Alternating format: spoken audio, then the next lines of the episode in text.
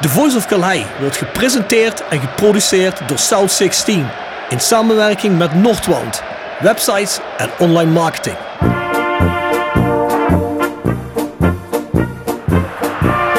René van de Kerkhof, kom! Het hoofd van Danninga, het is het doelpunt! Het is het hoofd van het is het doelpunt! Het is 1-1 in de 36e minuut. drink dan eerst gezellig een kopje koffie, praat met wat mensen.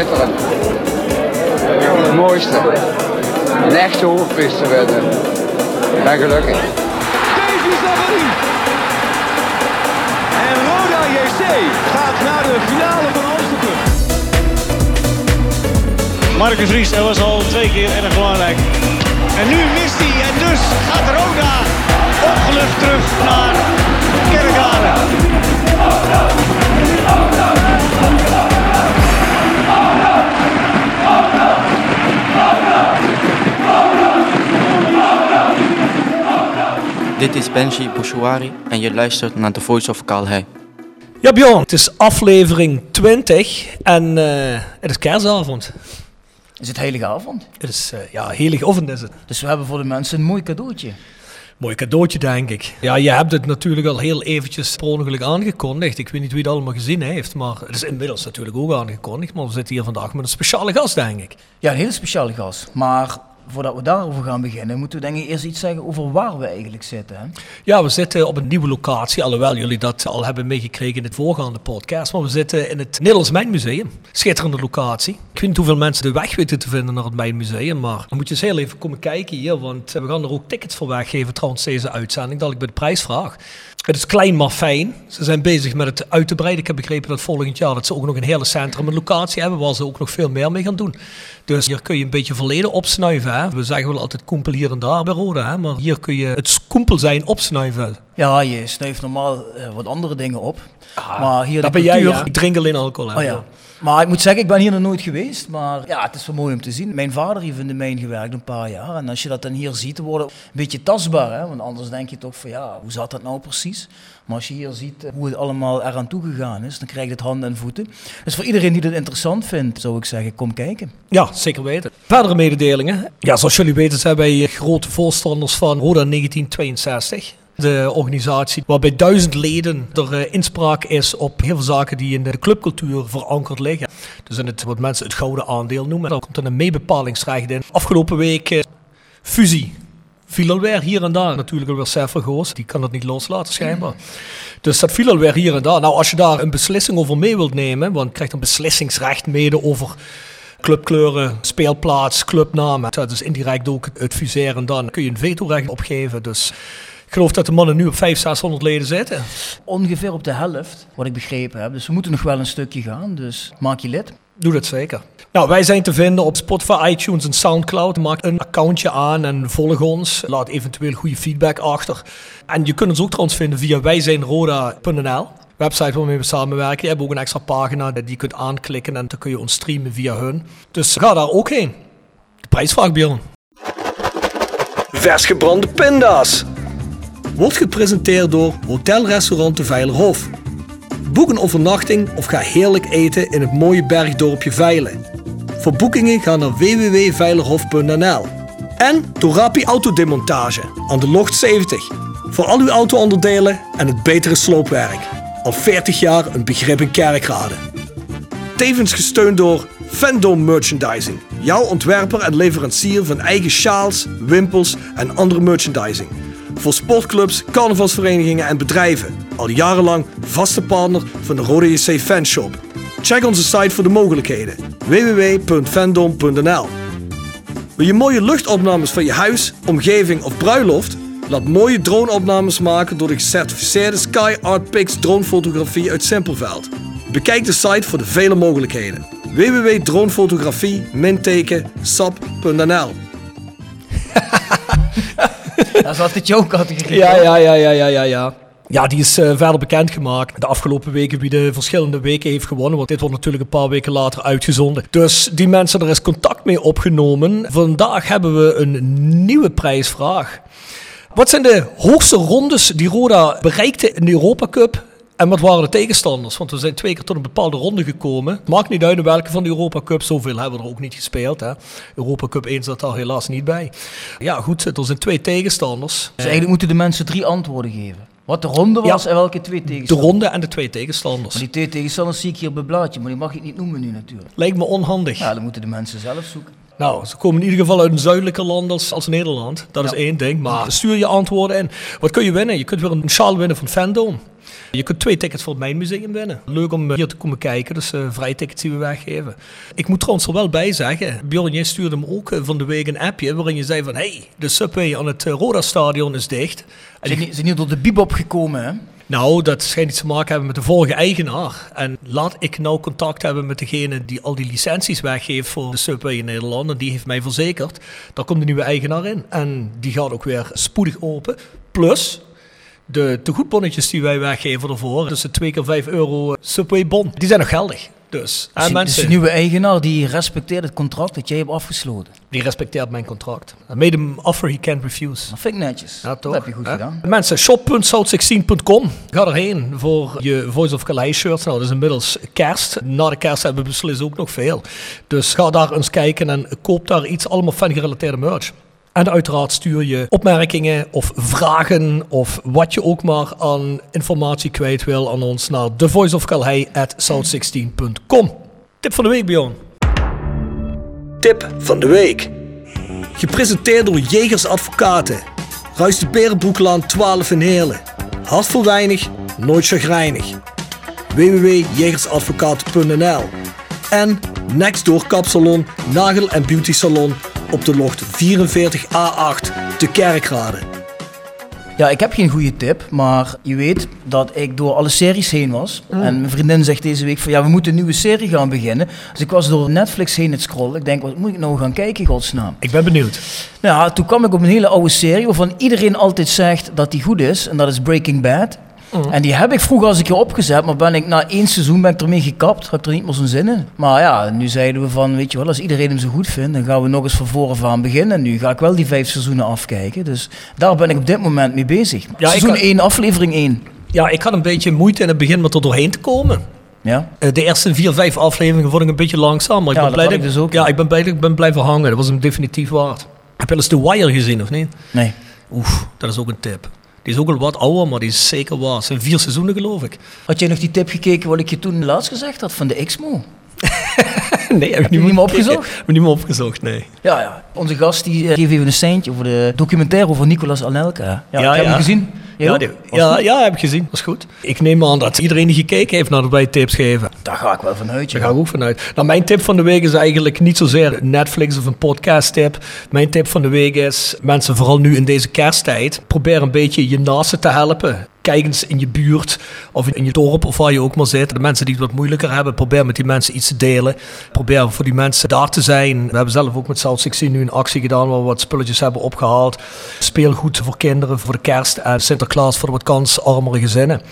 Dus kijk om je heen. En ook onze sponsoren, vooral mensen die niet open kunnen, niet door kunnen gaan eh, zoals ze willen rond de kerst, zoals de Veilerhof, de Bernardeshoeve. Het zijn allemaal restauratiebedrijven die in principe het al moeilijk hebben gehad in het begin van het jaar. Er komt dit nog bovenop. Wie weet hoe lang dat nog gaat duren. Alhoewel ik een gerucht gehoord heb dat de Nederlandse overkoepelende organisatie ervan had gezegd, een gelekt persbericht, 13 januari gaan we open. Kan de regering zeggen wat ze willen.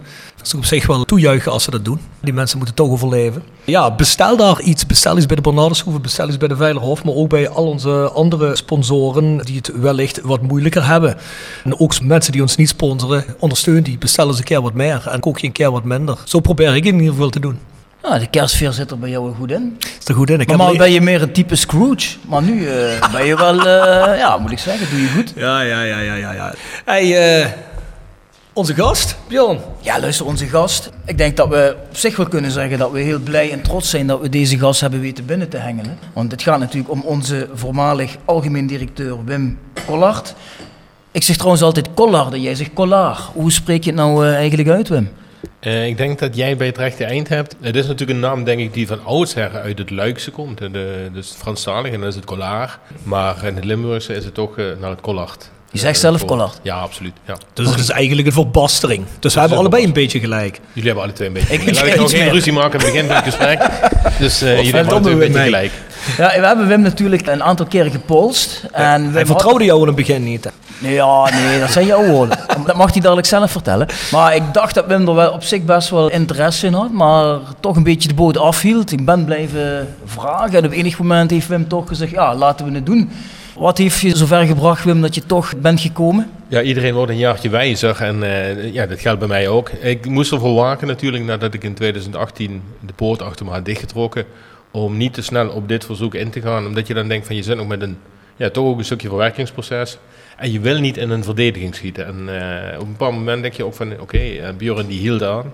En zei van hey, het is toch goed om ook jouw verhaal en jouw versie van die jaren, die roerige jaren, wellicht ook eens kenbaar te maken bij de supporters.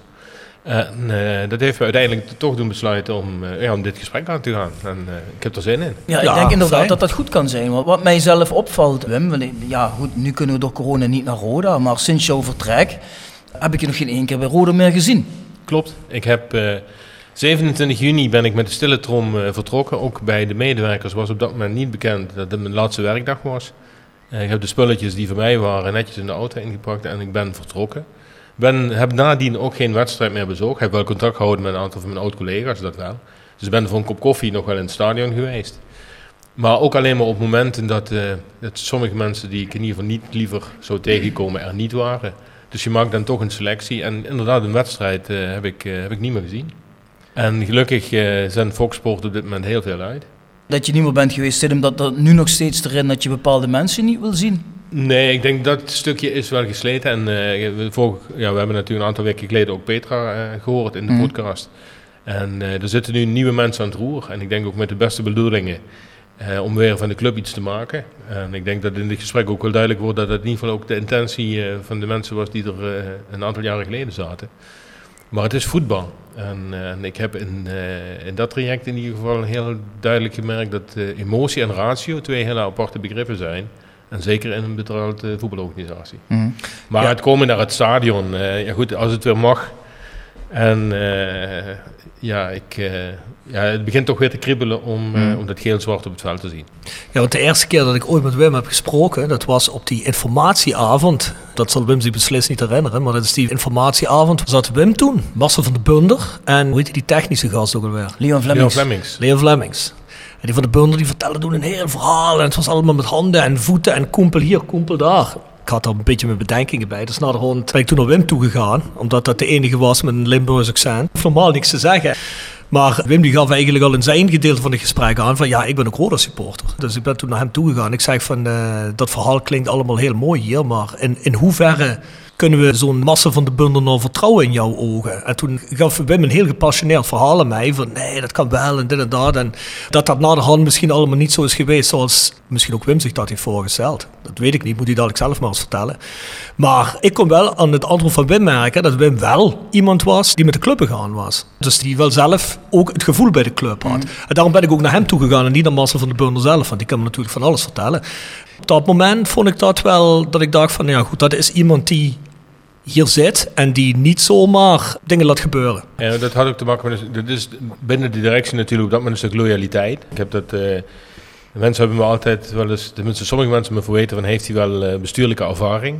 Nou, ik heb in de raad van bestuur gezeten van een club van 1400 man, met z'n drieën deden we dat. Dus ik denk dat je me daar, eh, nou, dat, dat, daar kwam meer bij kijken. Maar een van de dingen die ik daar wel geleerd had, is dat je naar je collega's loyaal bent. En ik heb natuurlijk na de hand ook dingen gezien waar ik ik, ik, ik heb de betreffende persoon ook een uitspraak horen doen nadat Mark-Jan Verderos ons in de 93 minuten gesparta erin hield. En de eerste uitspraak die toen werd gedaan, dit gaat nooit meer gebeuren. En de resultante daarvan was dat er nieuwe spelers kwamen met peperdure contracten. En met die groep zijn we gedegradeerd. Destijds bij Go Ahead Eagles. En ja, dat doet dan heel erg veel pijn. Eh, en dat, dat, dat is niet mijn stijl. En, en ook het geld daarna, daar komen we ook ongetwijfeld op Frits Schroef en met Alex zei. Maar het is altijd eh, ja, best wel moeilijk. En eh, eh, destijds was Marcel algemeen directeur. Leon en ik hadden een managementfunctie. En dan ben je op dat moment loyaal. En die loyaliteit die neemt op een bepaald moment af als je dingen ziet gebeuren en constateringen. Maar dan is er ook een raad van commissarissen belangrijk. Die heeft dan ook eh, ja, moeten ingrijpen. Ja, ik vind in ieder geval wel dat het zo zou moeten zijn dat Wim, die ook supporter is van Rode, en als wij dat zijn, en jaren een, een directiefunctie heeft bekleed, zou naar mijn ogen gewoon bij iedere thuiswedstrijd aanwezig moeten zijn. Met een seizoenskaart of wat dan ook. Ik vind dat erg zonde om dan te horen dat hij in ieder geval al twee jaar niet geweest is. Ja, zeker. Kijk, ik heb natuurlijk geleerd en eh, ik, ik heb mijn, eh, mijn auto in de tijd van Rode JC, die is vaker bij het schadeherstelbedrijf geweest. En niet om voor mijn uh, roekeloos rijgedrag, maar omdat die voorzien was van diverse krassen. Had je hem aan de vrouw uitgeleend? hoor? Nee, dat ook niet. Die, die kan gelukkig met zijn rijbewijs en die heeft meer schadevrije jaren dan ik. Maar eh, dat is natuurlijk niet... Ik, ik zat ook in mijn periode bij Roda JC daar met ziel en zaligheid voor de club. Mijn, ik ben bij Roda betrokken geraakt omdat mijn opa treinknecht was op het oude Kalheide. Eh, ik heb de trainingen gezien. Ik ben met mijn eh, vader eh, elke zondag op Kalheide geweest. Op de overdekte staantribune, dus niet onder de klok. En niet eh, onder de lichtkrant, maar op de overdekte staantribune.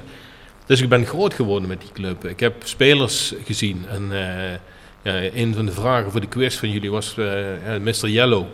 En we hebben het altijd over, over Zen Hansen en allemaal de jongens die...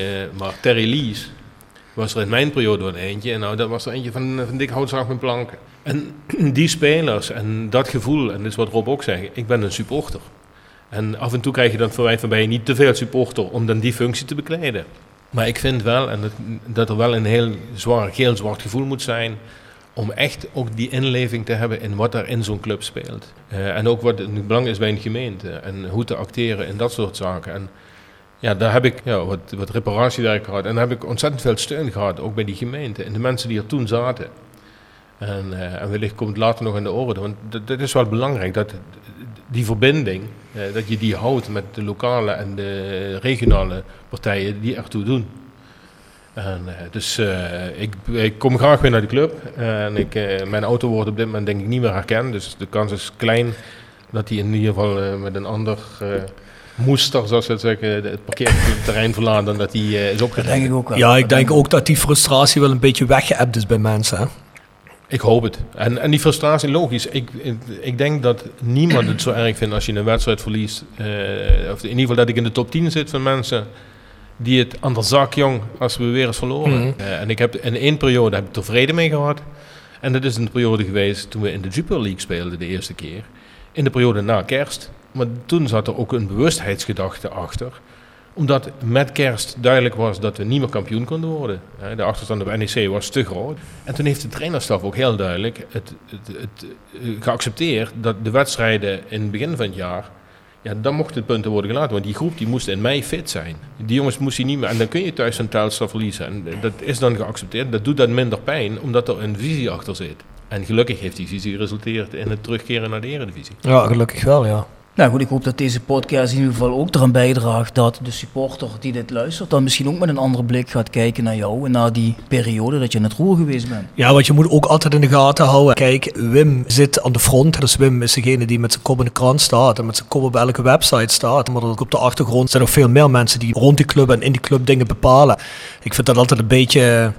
Moet ik dat zeggen? Ik vind dat altijd een beetje heel simpel om te zeggen. Jij bent algemeen directeur, dus jij bent automatisch alles schuld. Zo functioneert dat niet. Zo functioneert dat vandaag de dag bij Roda ook niet. Ik denk niet als een algemeen directeur die er nu zit, als die, ik zeg maar, iets doet of iets beslist of iets wil doen, dan zal hij toch ook langs een aantal mensen moeten om dat goedgekeurd te krijgen, vermoed ik. Dus ik denk niet dat je één persoon aan de kruis moet nagelen voor bepaalde beslissingen of dingen die gebeurd zijn. Tenminste, zo, zo heb ik er altijd in gekeken. Of zit ik daar fout bij als ik dat nee, zeg? dat, dat klopt wel. Maar dit, eh, dit is geen vrijpleiten van. Ik ben verantwoordelijk geweest als directeur van alle ja, ja. beslissingen. En ik heb fouten gemaakt. En eh, ik denk dat, eh, dat niemand hier kan roepen dat hij nooit fouten maakt. Alleen als Nou, Wim, wij maken heel weinig hier bij de Ja, podcast. oké. Dat- Nou, Ik zal het komende uur even opletten. Maar, en, eh, maar eh, logisch, hè, je zit daar en eh, ik- ben van oudsher een teamplayer. En dat betekent dat je nou beslissingen niet alleen neemt. Maar er zijn er een aantal waar je wel voor staat. En als die minder goed uitpakken, ja, dan is het toch gewoon degene die, die het raakt, de algemeen directeur. En in sommige gevallen is dat gewoon helemaal terecht. Oké. Ik heb het vooral bij de gemeente moeten houden en ik, ik heb daar een aantal keren ja, toch eh, minder leuke commentaar gekregen. En dan komt Roda weer en eh, ze komen weer met een nepverhaal. En het was geen, ja, het was geen nepverhaal, maar ja, goed, het verhaal wat ik hield, ja, was er wel eentje waar ik achter stond. En als je dan eh, een tik op de, op de vingers krijgt, ja, dan krijg je een tik op de vingers. En dat hoort Mhm. erbij. Nou, Wim, je bent in ieder geval in 2012 bij Rode begonnen in een financiële functie, hè? Financieel manager. Ja, ik zat, ik zat bij een landelijke accountantsorganisatie en ja, supporter in hart en nieren. En ik had, eh, als, eh, een van mijn doelen was om te bereiken dat die accountantsorganisatie sponsor werd bij Rode IC. En was het even kon hoofdsponsor. En wij waren destijds overgenomen, dus ik kwam in de raad van bestuur en dat was één van de drie. Eh, en ik had de pech dat de, een van de anderen was een eh fervent de Graafschap en Ajax supporter. En de derde had geen verstand van voetbal. Maar die derde was wel de algemeen directeur. Dus ze was eigenlijk de voorzitter van de raad van bestuur. En die moest ik voor me zien te winnen.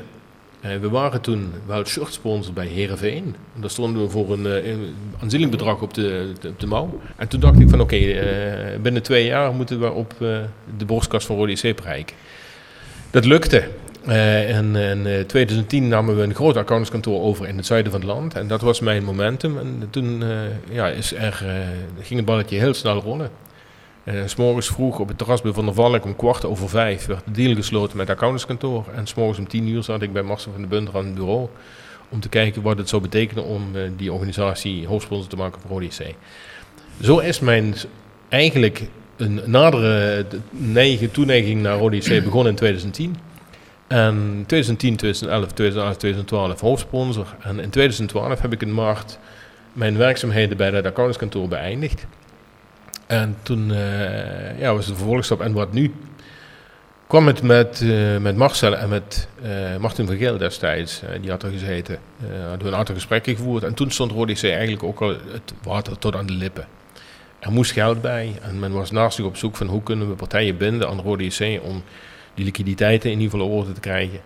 En ik had niks te doen, dus ik heb toen tegen Marcel van den Bunder gezegd van oké, ik wil best met je op pad. We hadden een plan uitgewerkt om te kijken van, of daar een raakvlak voor was. En we zijn op pad gegaan. We hebben een aantal partijen bezocht. En een van de partijen die Marcel niet kende, en, eh, dat was Frits Roef. En ik kende Frits vanuit het verleden. Ik heb eh, ooit als belastingambtenaar, eh, en dan praten we over twintig jaar daarvoor, bij hem een, controle uitgevoerd. En mij is hij toen niet vergeten. Hadden toen een, eh, op zich een heel goed contact. En, ja, Ik hoop positief voor hem dat hij hem niet maar het- het- het- leuke- Frits vond het destijds al vreemd. Ik vond het, toen eh, introduceerde men bij de Belastingdienst net het fenomeen klantcoördinator. Nou ja, ja, goed, daar heeft heel veel over te doen geweest. Maar ik vond het leuk om met Frits op zaterdagmorgen een kop koffie te, te gaan drinken. Frits was op zaterdagochtend op de zaak. Eh, ik ken bijna niemand die zo'n ongezonde levensstijl erop nahield dan Frits. Dat was de gehaktbal in de auto en de sigaretten, die, ja, die, die vlogen de deur uit. Maar Frits was wel ge- genegen om meteen iets te doen. En Frits is toen gestart met de jeugd. En, eh, en, logisch, kijk, het, het geld wat in de grote club zit, wat richting de jeugd gaat, hoefde toen niet meer naar de jeugd. Omdat Frits die ondersteuning voor zijn rekening nam. Ja, Frits was eh, binnen no time geïnfecteerd. En Frits heeft eigenlijk in, de, in die eerste jaren, 2012 tot 2015, toen hij nog geen eigenaar was, op diverse momenten de club in leven gehouden. En ik ben inderdaad in 2012, in september, toen eh, formeel begonnen als, een, als eh, financieel adviseur. Gewoon eh, op ZZP-basis en tegen een bedrag waar Marcel zei, we kunnen niet betalen. Maar toen heb ik hem het bedrag genoemd en toen zei hij, ik ga het nu regelen met de Raad van Commissarissen. Omdat ik, ja, ik wilde die club helpen. Er zat Mhm. in de, het management zat er geen financiële expertise. Eh Rode C, categorie 1, toen hebben we nog een categorieverhaal bij de KNVB. Ja, wat toch wel zwaar weegt. En daar wil je niet in terechtkomen. Dus er moest wat, was wat werk aan de winkel. Nou, dat heb ik gedaan. 2012, 2013. Toen kwam Leon Flemings als technisch manager. Ja, toen moest de financiële man ook een eh, stempeltje krijgen. Toen werd hij financieel manager. Dat heb ik ook een jaar gedaan. Met eh, ja, als resultant eh, uiteindelijk dat we degradeerden in mei 2014. En toen was de Raad van Commissarissen stapte op. En het stichtingsbestuur zat er toen nog. En ik kreeg van het stichtingsbestuur de vraag of ik de functie van algemeen directeur wilde gaan bekleden. En ja, dat charmeerde, maar ik wist dat er een eh, ontzettende berg werk eh, lag te wachten. En dat wil ik graag oppakken. En uh, met het idee van, uh, dit, hier is maar één ding belangrijk, dat is continuïteit van de club en, Mhm. uh, en spelen in de eredivisie. Want dat vind ik nog altijd de twee belangrijkste uitgangspunten voor Rode JC. Dus dat is uh, mijn start in 2014 uh, als algemeen directeur. Maar toen was je ook een beetje meteen technische man, toch? Er was geen TD toen. Ja, 27 mei 2014 is, is een beetje de zwartste dag in mijn, mijn leven. Want toen moest ik de gesprekken aangaan met medewerkers om de contracten te ontbinden. En dat betekende dus dat er op diverse vlakken ja, moesten mensen vertrekken. En het jammere is dan de mensen die je dan eigenlijk hun boterham afneemt, die konden er niks aan doen dat we gedegradeerd waren. En je neemt afscheid van mensen, maar je neemt dus ook afscheid van de technische gedeelte, want er moest alle spek moest er vanaf. We hadden eigenlijk geen spek op de ribben, dus alle overload uh, werd contracten van beëindigd. Dus ik mocht, uh, uh, opeens was je verantwoordelijk voor een, een hele aantal aspecten. En dan beken ik meteen van, ja, ik ben financieel redelijk onderlegd. Ik denk dat ik managementmatig, ik ben een mensenmens. Dus ik heb mensen om me heen. En dan moet je zorgen dat je, dat je niet eenzaam wordt. En uh, dan uh, is het belangrijk dat je een, in ieder geval een aantal goede mensen aan je kunt binden. En dat is toen gelukt. En op technisch vlak, uh, ja, een van de eerste zaken was dus Jondal Thomasson bellen. Die liep in een winkel in, in, Denemarken om hem te vertellen dat we afscheid van hem zouden nemen. en ja, dat, dat was ook raar. En voor mij stond op dat moment ook vast dat er maar één trainer in aanmerking kwam om bij Rode op dat moment uh, aan het roer te komen. Dat was René Trost. Want we hadden er niks aan om welke corifee of welke trainer ook aan boord te halen. En na een tweede nederlaag in de Jupiler League uh, met witte zakdoekjes te, te zwaaien. Want de fans waren teleurgesteld. En terecht teleurgesteld. Want de club hoort niet te spelen in de Jupiler League destijds. Dus René was... Uh, René en ik kenden elkaar niet. ik heb René uitgenodigd om een, een glas wijn te drinken. En uh, dat, dat, glas, dat werden twee flessen. En uh, die avond waren wij de eens dat René in ieder geval aan het roer kwam uh, voor het jaar 2014, 2015. Met als opdracht Missie Maat. Even een vraag tussendoor, puur omdat ik het interessant vind. Maar wie heeft toen eigenlijk bepaald dat Jondal Thomasson weg moest? Want eigenlijk zat hij er pas in, ja, misschien een half seizoen. Ja, de, op, toen, toen we degradeerden ging het natuurlijk in een heel snel tempo het afscheid nemen van, van mensen. Dat betekent dus de Raad van Commissarissen, die was toen weg. Die stapte op. Uh, Marcel van de Bunder was in ieder geval uh, duidelijk dat hij niet zou blijven.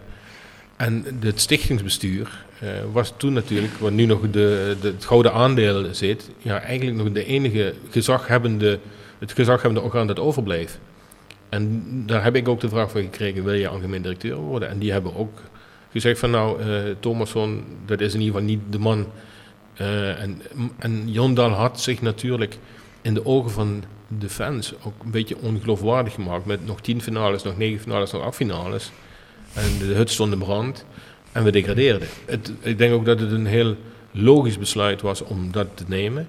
En uh, ja, helaas kostte dat soort zaken ook altijd onnodig veel geld. Uh, maar ik denk wel dat het uh, ja, een, een, een verder gaan met hem was niet aan de orde. Dus dat besluit kwam vanuit die stichting. Okay. Alleen degene die het mag uitvoeren, ja, die, zit dan, mm -hmm. die heeft het stempeltje algemeen directeur. Ja, ik denk wel dat met René Trost, dat er wel iemand binnenkwam waar eigenlijk ook vanaf de tribune al heel lang mensen op hadden zitten wachten. Iemand die de club begreep, de jongen van de club. Ja, dat er toch wel weer vertrouwen was van komen zo snel mogelijk terug als René dit gaat doen. Want René was toch niet geheel onsuccesvol geweest als trainer bij MVV en ook in België niet. Absoluut. Het was eigenlijk wachten tot hij ooit bij de club terecht zou komen. En ik denk dat dat seizoen met die degradatie, met alle respect voor René natuurlijk, want ik had hem ook graag in de Eredivisie zien trainen, dat toen de club inderdaad een stap heeft genomen. Dus ik denk dat dat een hele goede beslissing is geweest. Want je merkte wel, na die teleurstelling van degradatie toen van, René Trost, en ook al had René nog niks bewezen bij Roda zelf, was wel meteen hoop. kwam een jongen van de club. Ja, precies. En, die kunnen we dit wel overlaten. En die begrijpt wat dit betekent dat we terug moeten. En ik denk dat je het met Jondal Thomasson niet gehad had. En ik denk dat Jondal Thomasson het niet zo goed begrepen had als René. Ja, kijk, je begrijpt altijd wel dat je niveau hoger moet. Kun je heel dom voor zijn, dan begrijp je het nog. Maar ik bedoel, het zegt genoeg dat dat seizoen uh, René bijna letterlijk de kop heeft gekost. Dat hij er zo mee begaan was. Dus dat was wel op een bizarre manier om te zeggen, maar het was echt precies de juiste man op het juiste moment wat dat betreft. Ja. Heb jij in uh, die periode ook nog contact gehad met Arnold Hendricks?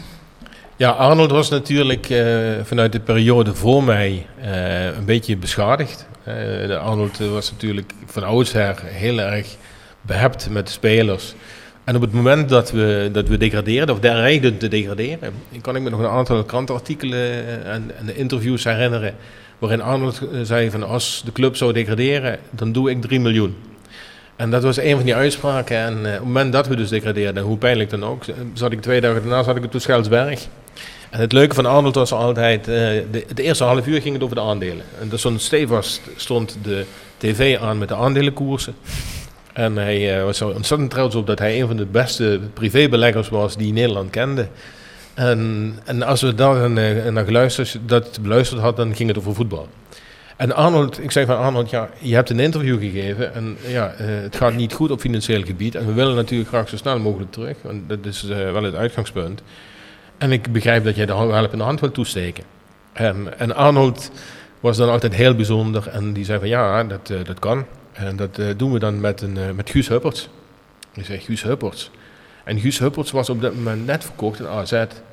En die deal was eigenlijk al in de winterstop beginnen te lopen. Dus dat, dat was eigenlijk op een punt van, ja, dat kan niet meer terug. Dat is een, en toen heb ik met belangstelling geluisterd. Ik zeg, Arnold, hoe stel je dat voor? Want Guus die gaat naar AZ. Nee, zegt hij, maar dat moeten wij anders doen. Guus moet bijtekenen. En als hij bijgetekend hebt, dan gaan we hem naar België verhuren. En als hij dan, hij moet zeker voor twee jaar bijtekenen. En dan volgend jaar, na het eerste jaar huur, gaan we hem voor 3 miljoen verkopen. Ik zeg maar, Arnold, Guus gaat niet bijtekenen. Ja, nee, maar Guus moet bijtekenen. En, en, en het leuke aan Arnold, je kon altijd het gesprek, en het was heel moeilijk om hem te overtuigen. Maar je merkte in dat soort gesprekken wel dat hij ontzettend begaan was met de club. En, uh, en het was een, een en hij heeft heel veel goede dingen voor de club gedaan. En ik was ook weer blij dat hij terugkeerde in het stadion en een hele prominente plek had in, uh, in de bestuurskamer. Maar ja goed, uh, Arnold was iemand met een hele speciale gebruiksaanwijzing, een handleiding. En volgens mij heeft hij die alleen zelf gelezen. Maar ja, Arnold en en Frits, uh, Frits zal ook nog in de orde komen. Uh, er is een moment geweest dat die twee jongens echt ruzie hadden. En dan, uh, dan merk je dat, ja, dat, dat we dit soort mensen misschien nu wel nodig missen. Ja, ik heb me bij Arnold wel altijd afgevraagd, vooral in die periode, dat ik dacht van ja, wil die nou helpen? Of wil die nou helpen onder een hele rits voorwaarden, wat je bijna niet kunt nakomen? Ja, Arnold was er wel altijd eentje met de, de voorwaarden kwamen naar de hand. Hij heeft ooit ook een, een, een, een deal voorgesteld. En dat was, ja, we moesten natuurlijk een spits hebben. Een spits die heel veel golen maakte. Op een bepaald moment zit ik in, ik zit in Italië, een telefoon gaat, vakantietijd. En de zegt, ben je op de club? Ik zeg, nee, ik ben, niet op de club. Ja, zit hij, ik, ik zit hier, zit hij, en we hebben nu een spits gescout en die gaat er minimaal 25 maken. Die schiet ons terug de eredivisie in. Ik zeg, Arnold, maar ik zit in Italië, ja. Ik zeg, maar er is op dit moment vergadering van uh, de Raad van Commissarissen en het stichtingsbestuur op het stadion. Doe me een plezier, rij daar naartoe, hou je verhaal. Want als dit, het, uh, als dit waar is, we zijn natuurlijk met z'n allen uh, erbij gebouwd om zo snel mogelijk terug te keren naar de Eredivisie. Zo gezegd, zo gedaan. Arnold is in de auto gestapt, is naar het stadion gereden. En de betreffende spits waar het om ging was Tommy Juric. En, uh, dat heeft ook daarna de krant gehaald. En, uh, Arnold is binnengekomen bij die vergadering en heeft gezegd: jongens, uh, we, hebben we hebben nu een spits. Die kunnen we vastleggen. En die gaat minimaal 25 golen maken en ik betaal alles. En dan kom je op het punt wat, wat Björn net aangaf: dat alles is dan altijd wel iets dat bij Arnold een, een, een, een tweede verhaal kende. Want er werden er de voorwaarden aangekoppeld. En die voorwaarden ja, die kwamen dan altijd een week daarna of twee weken daarna. En dat zorgde er natuurlijk voor dat als Frits aan de ene kant hoort alles en Arnold gaat dat alles op een andere manier invullen, ja, dat heeft in ieder geval de verstandhouding tussen beide heren een tijd lang uh, redelijk bekoeld. En het leuke van Arnold was ook, hij deed dan ook dingen uh, waar je van dacht van, is dit nou zo verstandig? En dan ging hij buiten het medeweten van de club, uh, sprak hij met Tommy Juric af, als je 25 golen maakt, dan krijg je 250.000 euro bonus. En toen sprak ik Arnold. Ik zei, Arnold, hoe kun je dit nu doen? Want deze jongen die gaat in het 16 meter gebied geen bal meer afgeven. Ja, maar als hij dan 25 maakt, ja, ik zeg, als hij er 24 maakt en hij had er 20 keer eentje moeten afgeven, dan speler links of rechts, dan hadden we meer baat bij gehad. En dat was Arnold. In zijn enthousiasme deed hij ook af en toe dingen waar je denkt van, oh Arnold, doe het nou even niet. En, eh, en dit was natuurlijk leider ook dat, dat Frits en Arnold enige tijd eh, ja, elkaar uit de weg gingen. En ik ben er wel heel erg blij om dat die twee na een aantal maanden van funkstille eh elkaar weer de hand geschud hebben toen de zaak uitgepraat was. En dat is gelukkig allemaal goed gekomen. Denk jij dat als Nol Hendricks die jaren daarvoor meer betrokken was gebleven bij de club, zoals het van tevoren was, was wel betrokken bij de club, maar het is geen geheim dat hij van tevoren natuurlijk veel meer financieel erbij deed voor spelers en wat voor constructies dat ook waren. Dat Nol Hendricks een van de beste scouts is die Roda ooit gekend heeft, mag duidelijk zijn. Denk je als hij intensiever erbij was gehouden, ook al had hij een reusachtige handleiding zoals jij zegt, denk je dat we dan ooit in die situatie waren geraakt waar we toen inkwamen, toen jij langzaam over begon te nemen? Ja, het Bosmaneres heeft natuurlijk toch ook in die voetbalwereld en ook in de beleving van eh, het, handelen van Arnold de, de nodige verandering eh, teweeggebracht. Ehm, de tijden zijn veranderd en Arnold is op zijn sterkst geweest toen hij zelf heel veel wedstrijden kon bezoeken. Eh, en eh, de- toen dat afnam en hij dus eigenlijk ook wedstrijden eh, moest en spelers moest bekijken vanuit de, de tv. Toen merkte hij, en dat gaf hij zelf ook al aan, dat, dat zijn krachten ook wel een beetje verloren gingen. Hij, hij moest toen afgaan op mededelingen en berichten die hij van anderen kreeg. En ik denk dat de juweeltjes die we in het verleden hebben gehad en die we, met, die we binnen hebben gehaald, dat die in ieder geval allemaal minimaal twee of drie keer gezien zijn door Arnold Hendricks. En daar zat wel de kracht. Dus ik weet niet of het ook zo was geworden als, eh, als Arnold in die periode eh, ja, 2007, 2010 nauwer bij de club betrokken was geweest. En eh, ja, we kunnen het niet meer terugdraaien. Nee, Ik kan, ik zeker kan me trouwens wel nog herinneren, dat was ook in die periode van Leo Vlemmings geloof ik, dat Vlemmings Lars Veldwijk naar Roda wilde halen, die spits. Ja. En dat het schijnbaar, ja, die deal op keep bestond, of er moest nog wat geld bij, en dat ze bij Arnold hadden aangeklopt en dat die zei van, Lars Veldwijk, die ken ik niet. Klopt Ja. dat verhaal? Ja, dat klopt dat verhaal. Dat was achteraf eh, misschien ook niet zo Maar ik kan me toch niet voorstellen dat Nol Hendricks Lars Veldwijk Nee, Lars? Veldwijk was destijds inderdaad voor, eh, goed, of hij wilde niet. Nee, of precies, dit dat was bedoel het, ik. Dat was het antwoord, gepaste antwoord van Ja. hey, eh, even op afstand. En eh, nee, dat, ja, inderdaad, Veldwijk was... eh, Ik denk dat we met Veldwijk toch best een aardige kans hadden gehad dat we nog erin gebleven waren. Ja, ik weet niet waar hij toen heen is gegaan, maar volgens mij waar hij toen heen is gegaan, scoorde hij vrij regelmatig. Ja, ook, van? Excelsior. Excelsior, dat Excelsior. en, dat toen nog bij Excelsior, ja. Het is wat het is. Ja, Wim, je hebt zijn naam net al genoemd, Marcel van de Bunder. Ja, die is natuurlijk ook na een hele hoop ophef uiteindelijk vertrokken. Hoe kijk je terug op die periode, Marcel van de Bunder? Ja goed, eh, met Marcel ben ik natuurlijk samen... eh, ik heb Marcel leren kennen in het traject de commerciële deal voor hoofdsponsorschap. Eh, en toen zat Martin van Geel er ook bij natuurlijk. En ik denk dat voor het accountskantoor destijds... dat wij meer hadden met, met Martin van Geel in de geloofwaardigheid en de visie die er lag dan met Marcel van den Bunder. Marcel had ongetwijfeld zijn kwaliteit op commercieel vlak. En eh, ik heb ook eh, ja, daarna een aantal dingen gezien waar ik denk van nou, dat, is, dat, zou ik in ieder geval anders gedaan hebben. Eh, ja, Marcel is in ieder geval qua management en qua aansturing en van hoe die bij mensen overkomt, een heel andere figuur dan, dan ik. En het hoeft niet verkeerd te zijn, maar ja, ik vind het moeilijk om iemand eh, ja, in ieder geval af te rekenen. Eh, ik ben ook, met mij zijn we ook in 2018 gede- gedegradeerd. En met Marcel van den Bunder is in 2014 gedegradeerd.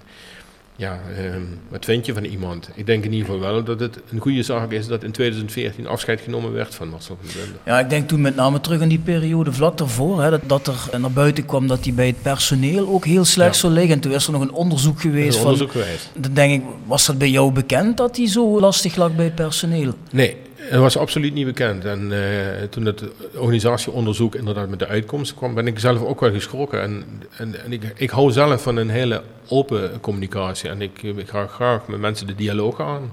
Ik denk dat een aantal supporters bij Rode dat ook gemerkt heeft. Eh, als ze iets hadden, dat ik zeg van, doe met plezier, kom ik op koffie drinken. Eh, ook destijds met het, ja, het plat, was het, het prikbord. Ja, ook een keer Ja. uitgenodigd. En dan zit je met het Z12 en met eh, een aantal, allemaal van die nicknames. En gewoon uitgenodigd van jongens, laten we aan tafel gaan. Hè. Ik wil gewoon praten. Als er zaken zijn, ik wil je een stukje begrip laten krijgen van dan dat het niet zo... Hè. En ik merkte dat er misschien door een angstcultuur in ieder geval een, een geslotenheid was bij het personeel van Rode JC. En ik, ik hoop in ieder geval dat in de periode dat ik er zelf actief ben geweest, dat eh, mensen hebben, denk ik, hopelijk altijd een open oor gevonden en eh, konden dingen ja, bij mij droppen. En ja, daar, ik, ik heb in ieder geval nooit het noodzaak gevoeld om een organisatieonderzoek te doen in de periode dat ik er zelf zat. En de uitkomsten hebben me destijds wel de ogen doen openen. Ja, want Marcel van de Bunder, toen die wegging, heeft hij nog geprocedeerd tegen Roda? Of heeft hij niet? Heeft hij hem Ja. verloren, geloof ik, hè? Hij heeft het verloren. Het was Ja. een, eh, ja, goed. En eh, het, het, het, erge eh, in dat proces ook nog eens, eh, we hadden smiddags raad van commissarisvergadering gehad. En dus even een uitstapje naar een hele andere zaak die me bij bezig hield. En smiddags commissarisvergadering gehad, het besluit was genomen, Marcel van de Bunder eh, zou ontslagen worden. En ik had alle informatie en alle documenten die daarover gingen, had ik in ieder geval een fijne USB-stick. En ik had s'avonds een vergadering bij het Gaaienpark. En ik had die map onder mijn stoel verstopt met die stukken. En het was een auto met een alarmklasse 5. En ik kom terug van die vergadering en de auto is gestolen. Ik kan je vertellen, één ding interesseerde me helemaal niet, dat was die auto. Maar die map met die USB-stick, die was wel redelijk heilig voor me. Ik denk van, die moet absoluut niet in verkeerde handen terechtkomen. Ehm, de auto is teruggevonden ongeveer na, eh, in ieder geval na het verlopen van de verzekeringstermijn. Maar eh, ik kreeg de dag erna of van, een, eh, van iemand van het politiebureau in ieder geval een aantal spullen terug. Die hadden ze gevonden op een afgelegen we- afwerkplek eh, ergens langs de spoorlijn eh, Landgraaf-Eigelshoven. Maar daar zat niet die USB-stick en ook niet die map in. Toen ben ik s'avonds laat ben ik zelf richting die plek gegaan. Ik had eh, van de politie vernomen waar het exact was. Ben daar in de struiken gaan strijden en ik heb die map en die USB-stick gevonden. En dat was op dat moment het allerbelangrijkste en een van de mooiste momenten, denk ik, die ik in die periode heb meegemaakt. Dat, dat was funest geweest. En ja, goed, die procedure van Marcel die heeft een hele tijd geduurd. En eh, ja, die hebben wij eh, in ieder geval, eh, ja, niet glans, maar die hebben wij gewoon gewonnen. En terecht trouwens. Ja, ja, ik zeg wat je wil, maar het fan-oogpunt zijn natuurlijk bij je voor lul als je daar nog geld mee wilt, terwijl de club net gedegradeerd is. Je weet dat er minder geld binnenkomt en dan ga je ook nog een trap nageven op die manier. Je bent er toch zelf met je beleid verantwoordelijk, tenminste zeker na dat rapport wat toen uitkwam. Waarin weet ook te lezen was dat, dat hij niet goed lag bij het personeel Nee, en dat dat allemaal niet was goed geen liep. En geen raakvlak meer eh, bij personeel. En dan, dan houdt, het, eh, houdt het gewoon, eh, punt, houdt het op. Ja, ik vond dat toen best wel lastig, want je hoorde toen twee stromingen. Er was een stroming die zei, ja, die Marcel van de Bundel ligt lastig bij het personeel, want hij gedraagt zich als een hork en hij moet weg.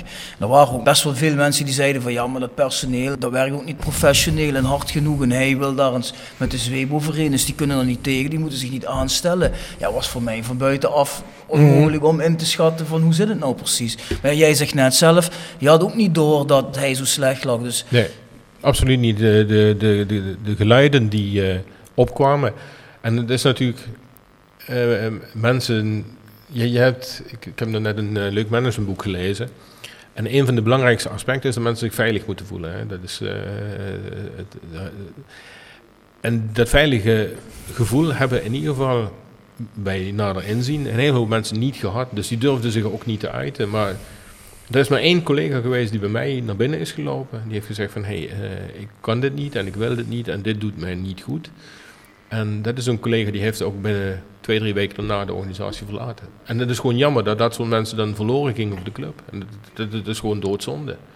Wat Bjorn net zegt, er twee stromingen. Dat mensen zeggen van ja, misschien is het ook wel zo wat Marcel van de Bundel zegt. Dat de zweep er iets meer over moet. Dat mensen wat te comfortabel waren en niet eh, goed genoeg werkten.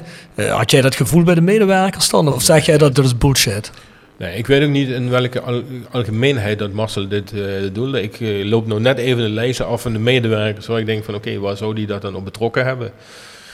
Nou, we hadden op de commerciële afdeling eh, waren al een aantal mensen vertrokken onder eh, het regime van Ja. Marcel. Ja. Ehm, En als ik dan kijk naar het, eh, de mensen van het technisch verhaal die het stadion onderhielden, dan heb ik het over Marco Labé, Tom Pauli. Ja, dat, nee, dat, ik, ik kan me niet inschatten, ik kan me eigenlijk niet indenken van op welke mensen dat het nou grootschalige betrekking heeft. Logisch, er zijn er altijd twee, drie waar je denkt van hier moeten we vanaf. En dat maakt het voor mij op 27 mei ook iets makkelijker om van dat soort mensen afscheid te nemen. Maar ik moest ook zeven mensen teleurstellen waar ik graag mee was verder gegaan. Mhm. Dus waar ik absoluut niet het gevoel had dat die de kantjes ervan afliepen. Maar een prominent iemand waar hij mee gebotst eh, is in die periode was natuurlijk Jacinta Gelissen volgens mij. Hè? Ja, Jacinta was Adjunct adjunct- adjunct-directrice. En eh Jacinta en, eh, en Marcel, ja goed, heel lang was dat de directie van JC. En totdat Marcel, of dat eh, Leon Flemings en ik in ieder geval ja, toetraden tot het managementteam. En ja, dat heeft toen wel eh keihard gebotst. En, maar dat had denk ik ook niks te maken met dat daar de zweep over het werk van Jacinta. Jacinta Nee, oké, dat snap ik. Dat staat En, wel los eh, van natuurlijk. Dus eh, ja, dat is jammer dat in die periode een aantal mensen het eh ja, geslachtofferd zijn. Nou, jij hebt in ieder geval straks al verteld dat jij toen bent doorgeschoven, hè, toen Van de Bundel vertrok. Net naar ik aanneem vanwege financiële redenen. Ze konden niet nog een AD betalen en nog een TD. Ja, ik weet niet of ik alleen op de kwalificatie eh, financiële redenen mocht blijven zitten. Ik weet nog goed dat in die tijd ook het platform werd opgericht. Dat was toen nog zonder Björn. En ik, ik mocht me meteen melden bij het platform. En eh, een, de eerste vraag die ik toen kreeg, daar zaten zes mensen. En die zeiden toen van, en waarom moeten we jou wel vertrouwen? Hé, want je bent een compaan van Marcel van den Bunder. En ja, goed, geef daar maar eens een antwoord op. Dan heb je in mijn aantekeningen zitten spieken. Oh nee, nee, nee. maar het is goed dat je daarover begint. Nee, maar dat, dat, dat- ja, goed, en dan is het een vraag van, oké, eh, ver- verdien ik de credits om op dat moment aan de slag te gaan voor de club? En ja, goed, ik denk als op dat moment het platform het voor het zeggen had gehad, ehm, dan hadden we dit interview wellicht niet gehouden, want dan was ik in ieder geval onbekend gebleven. Want dan was ik nooit algemeen directeur geworden bij Rode C. Want ik denk dat ze misschien voorstander wa- waren geweest van een hele schone lei. Ehm, maar ik ben achteraf wel blij dat ik die kans heb gekregen. Omdat het denk ik jammer zou zijn om het kind met badwater weg te gooien. Want dan zou er helemaal niemand meer zijn geweest die iets over het verleden eh, Mhm. wist. En het stukje historie is toch altijd wel, en wat de afgelopen twee, drie jaar is gebeurd, wel belangrijk in de stappen die je gaat ondernemen. Ik heb het zelf gemerkt bij het afscheid in 2018, wat daarna is gebeurd. Ja, dat er in ieder geval, eh, ja, jammer genoeg geen gebruik is gemaakt. eh, ja, van een stukje kennis wat dan toch tussen je oren zit. Ja, ik Ja, want vroeg dat dat is- net omdat, oh, ja sorry, Ja, zeg omdat voor deze podcast sprak ik nog even met Maurice Stelen. Ja, Dan zeg ik dat Maurice jij te stelde gast toen die kwam. vraag. Ja, was precies. degene die die vraag Hij stelde. zegt, Ik als je, als je Wim spreekt, moet je hem eens vragen of hij zich de meeting bij Medisch Ja, nog kan herinneren. En dat ik hem vroeg, heb je niet ook bloed aan de handen? Ja. ja, logisch. Kijk, als je onderdelen uitmaakt van een driehoofdige directie, eh, twee managers en één algemeen directeur. En wat ik in het begin van het gesprek ook zei, eh, bij mij is loyaliteit op dat moment wel belangrijk. En dat je naar de hand dingen ziet. Ik heb natuurlijk ook in, eh, op, financieel gebied dingen gezien. En dan moeten we niet eh, te, te moeilijk en gedetailleerd, en zeker niet op, op 24 december. Maar in de categoriebepaling van de KNVB mag je altijd een bepaald percentage van je omzet mag aan salariskosten worden uitgegeven.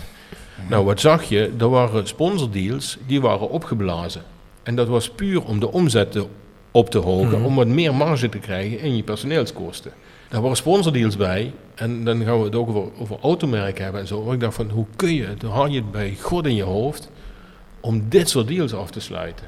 En logisch, je zit erbij. Hè, op dat moment, ik had het contract niet afgesloten, het was voor mijn tijd afgesloten. En je ziet het wel. En logisch heb ik dan ook bloed aan mijn handen. En daar zijn ook besluiten genomen. Het aantrekken van Jon Thomasson in die periode, eh, dat aan de Raad van Commissarissen. Eh, en Marcel van den Bundel was algemeen directeur. Maar ik maakte wel deel uit van die directie. Dus de vraag van Maurice was volledig legaal. Maar het zette me wel meteen op een 1-0 achterstand. En eh, ja, goed. uiteindelijk heeft hij zich erbij moeten neerleggen dat ik wel die kans kreeg om algemeen directeur te worden. Ja, heel even over dat Jon Dahl Thomasson verhaal. Daar kwam die net naar de winterstop, of Ja. in de winterstop? Hij, is een, hij heeft in ieder geval de nieuwjaarsreceptie, eh, stond Ja. hij in het rijtje. Klopt. Ja, want eh, wat stonden we voor de winterstop? 11e? 14e geloof ik op dat moment. Ja, het ontslag van, eh, het ontslag van Ruud Brood ben ik helemaal niet bij betrokken geweest. Was voor mij eigenlijk, dat is ook een van die zaken van donderslag bij een heldere hemel. En, en ik vraag me nog altijd af waarom dat Ruud Brood op dat moment moest vertrekken. Daar heb wil ik ook heen. Ja, Ja. daar heb ik nooit een antwoord op gekregen. En ook niet hoe het mechanisme heeft gewerkt om Jon Dahl Thomasson op die plek te krijgen. Dat moet ik. En ik, ik heb ook tegen Björn gezegd, ik zit hier gewoon openheid van zaken en, en we gaan niet over elke euro praten. Maar dit weet ik dus echt niet, welke krachten hier gespeeld hebben om tot dat besluit te komen. Die voorzitter van de RVC, die Peter Jansen, die was toch ook zaakwaarnemer van, of, of financiële Ja, die- adviseur die- van Jon ja. Thomasson. Dus die link was natuurlijk vrij snel. Ja, en. Leon Flemings natuurlijk. En Leon Flemings, ja. Ja, die deels bij Excelsior had gezeten, waar Jon ook heeft gezeten. En dat was eigenlijk de link die iedereen wel, laat Ja. ik zeggen, op de tribune legde. Dat ze zoiets hadden van, ja, dan zit die Flemings hier. En dan heb je nog die gast bij de RVC zitten en dan moet opeens Ruud Brood moet weg.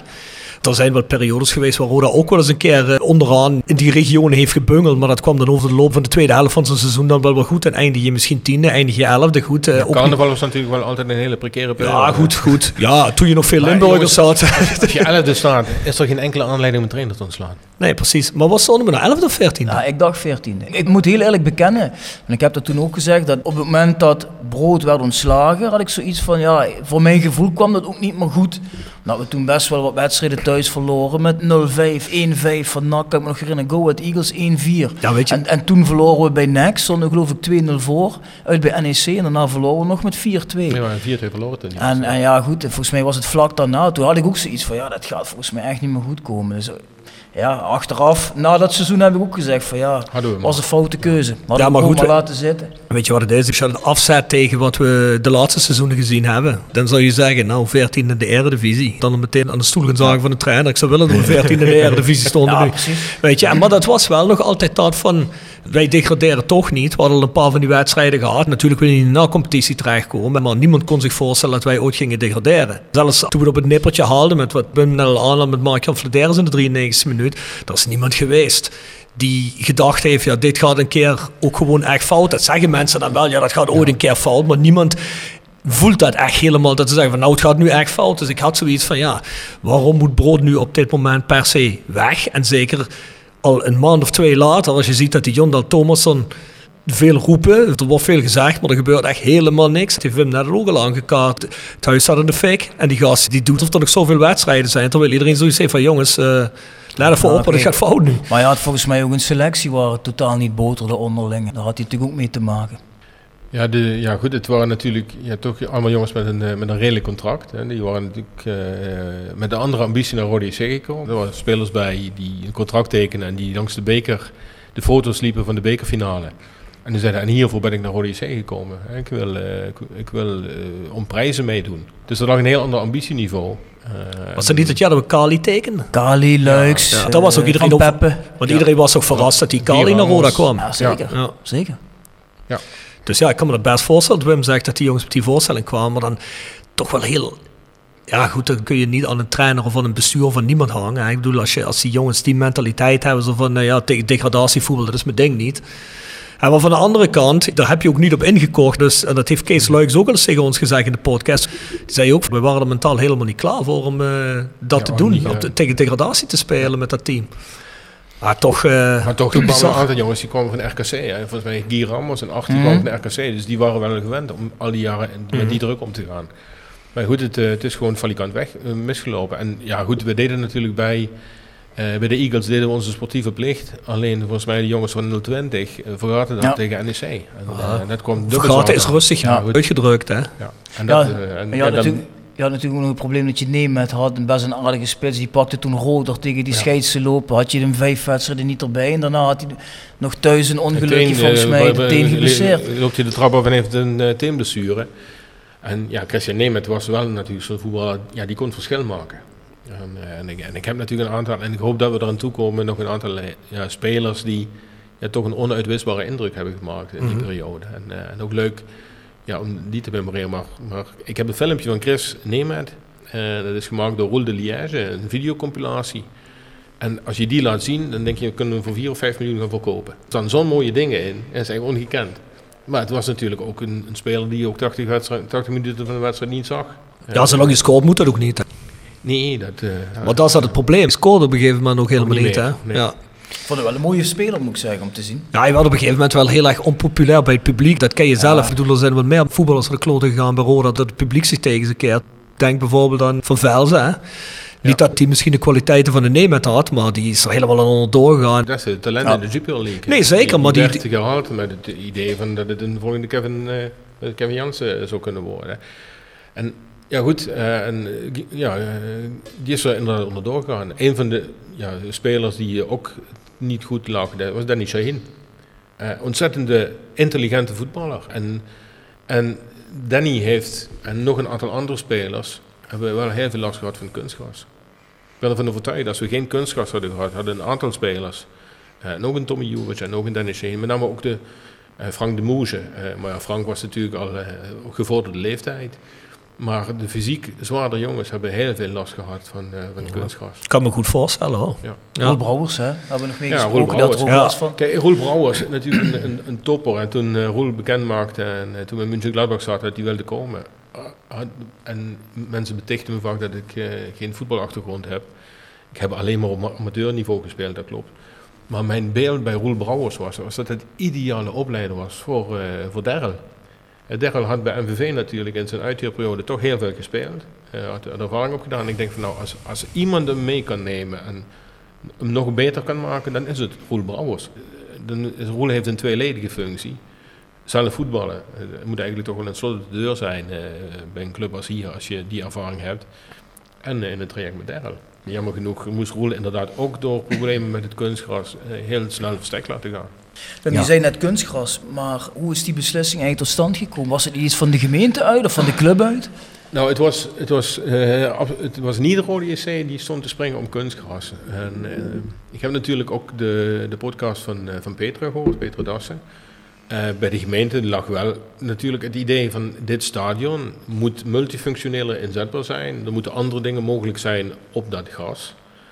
Dus eh, kunstgras is daar een, eh, een welkome eh, ja, afwisseling ten opzichte van natuurgras. Ik ben heel eerlijk, we stonden er niet afwijzend tegenover, want je zag toen heel veel clubs veranderen naar kunstgras. De kwaliteit van kunstgras werd beter.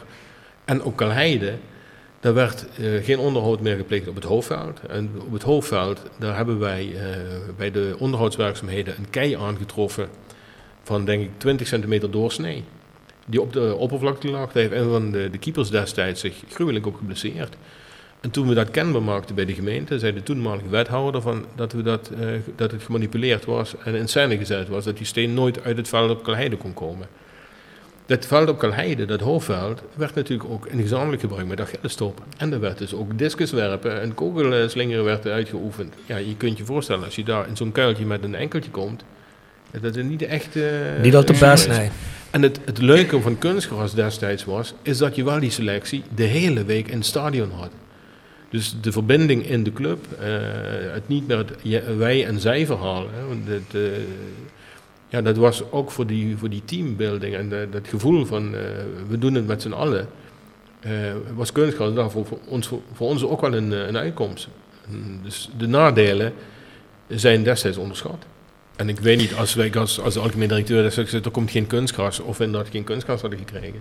Maar dan had er op Kaleide iets moeten gebeuren. Ja, het bizar is natuurlijk, zegt Petra Dassen zelf ook nu. eh, we hebben er ook gevraagd, wat was die multifunctionaliteit dan ik geweest? zeggen, ja. En er was helemaal geen multifunctionaliteit. Wat heeft er één keer, wat was er één keer andere rieu? Of, of, Nou, of- dat was er bij de opening. Dat was Ja. volgens mij al heel... Ja, kijk, Nee, en dat, wie is er naar de hand geweest? Misschien Janse Bagge geweest of zo? Ja, Of maar je kon, het, dat? je kon het huren, geloof ik, het veld met bedrijven Ja, te spelen Ja. en zo. Maar ja, dat, Ja, is- nooit wezenlijk geld mee Nee, maar dat is toch peanuts. En het bizarre is, mij lijkt gewoon dat de gemeente toen gedacht heeft... Dat is goedkoper het onderhoud, pleur het er maar in. en dan zien we wel hoe ver we komen. En als het een keer vernieuwd moet worden, zien we wel verder. Denk jij niet ook dat mede het sportieve zo ingeknikt is, dat geeft je zelf wel een beetje aan. Mede ook gewoon door dat kunstgras. Het is natuurlijk het stokpaardje van veel fans. Ah, dat hoort hier niet thuis. Qua mentaliteit bij een club zoals Roda, dat is één ding. Maar ik denk ook gewoon echt wat jij zegt. Allemaal die jongens die of wat zwaarder zijn of misschien heel erg technisch zijn.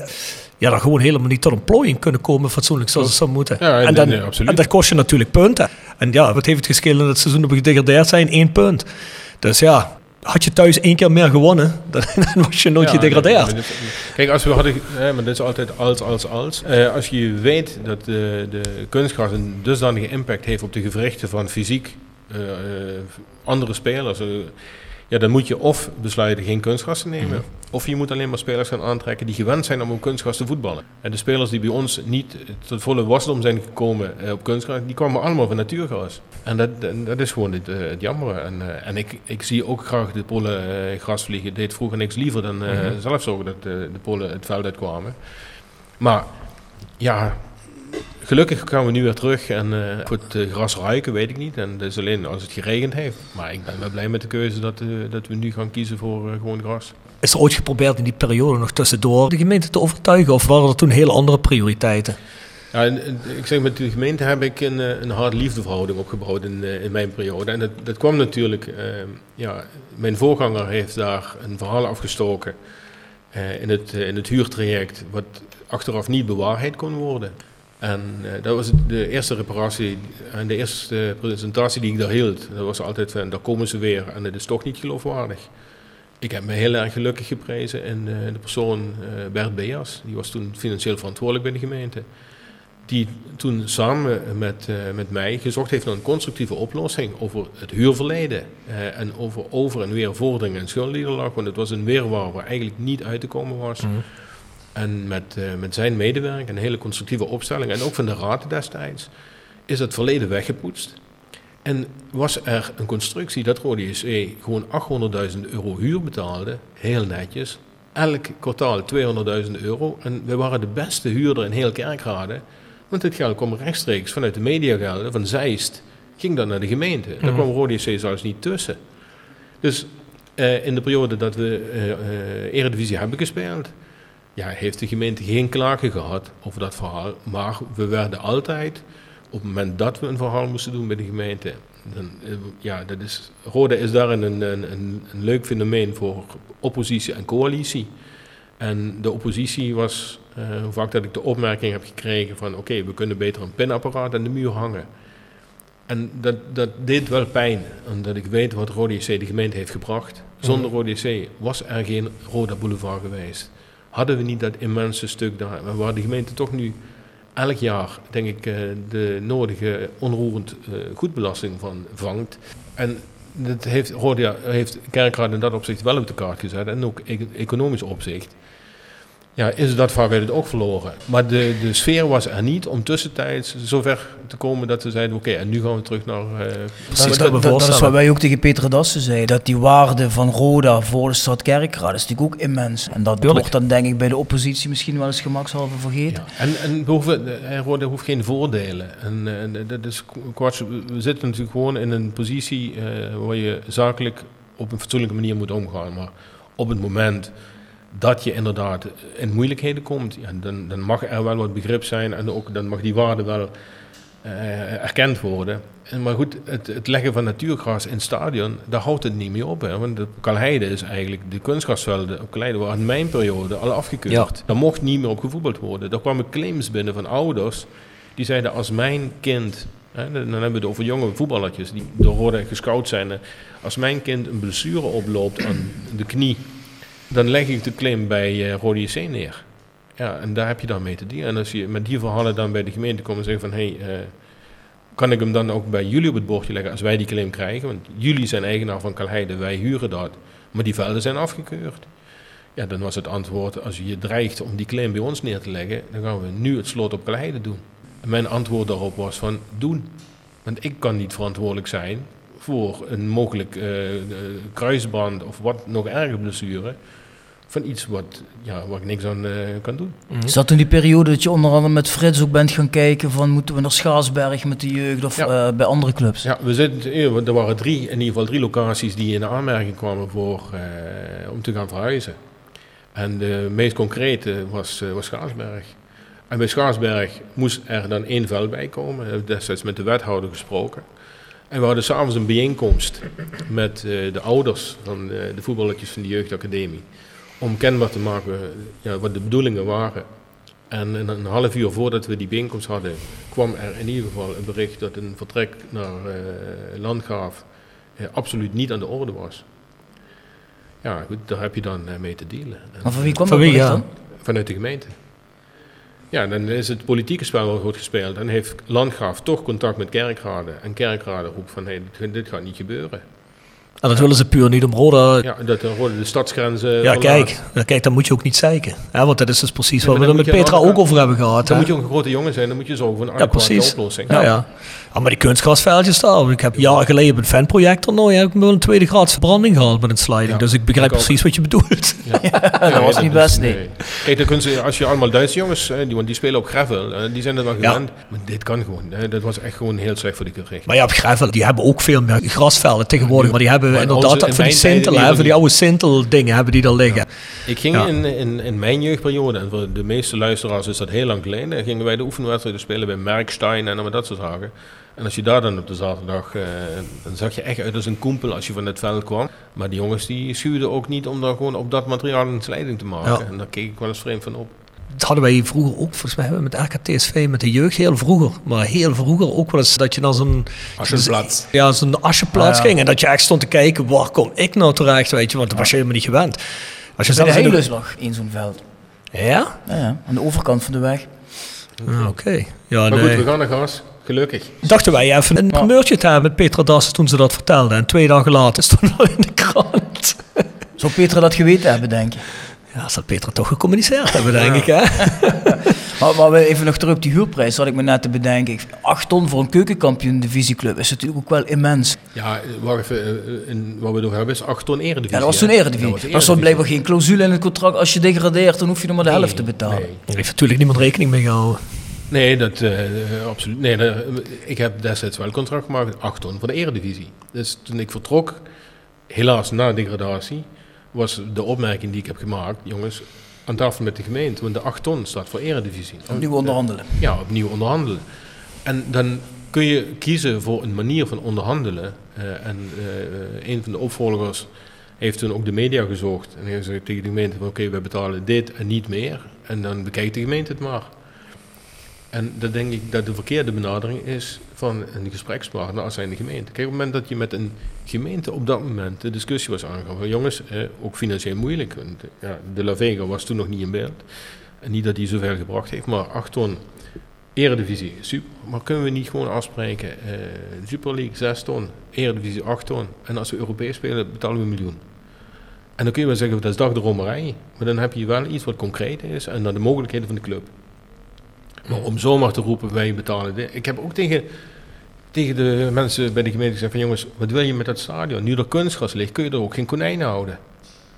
Ja, als er gewoon gras ligt, dan is dat misschien nog een succes. Maar met kunstgras, dat gaat niet lukken. Maar die discussie moeten we niet voeren, dat jullie afhankelijk zijn. We willen op een fatsoenlijke manier zaken doen. En ja, wat ik net ook zei, gelukkig zat er een aantal gesprekspartners en ook in de coalitie mensen die begrip toonden voor, voor dit soort standpunten. Ja, en acht ton eredivisie. eh, je wil niet weten met welke huur eh, het, het verhaal is begonnen. Het was zevencijferig hè, voor mijn komst. Dat was eerst 1,2 miljoen is het geweest, hè? Dus volgens mij, Nog meer. Volgens mij heeft er ooit, dat is 1 miljoen 500, 1,550 gestaan. Maar dat is toen teruggebracht naar 1,1 miljoen.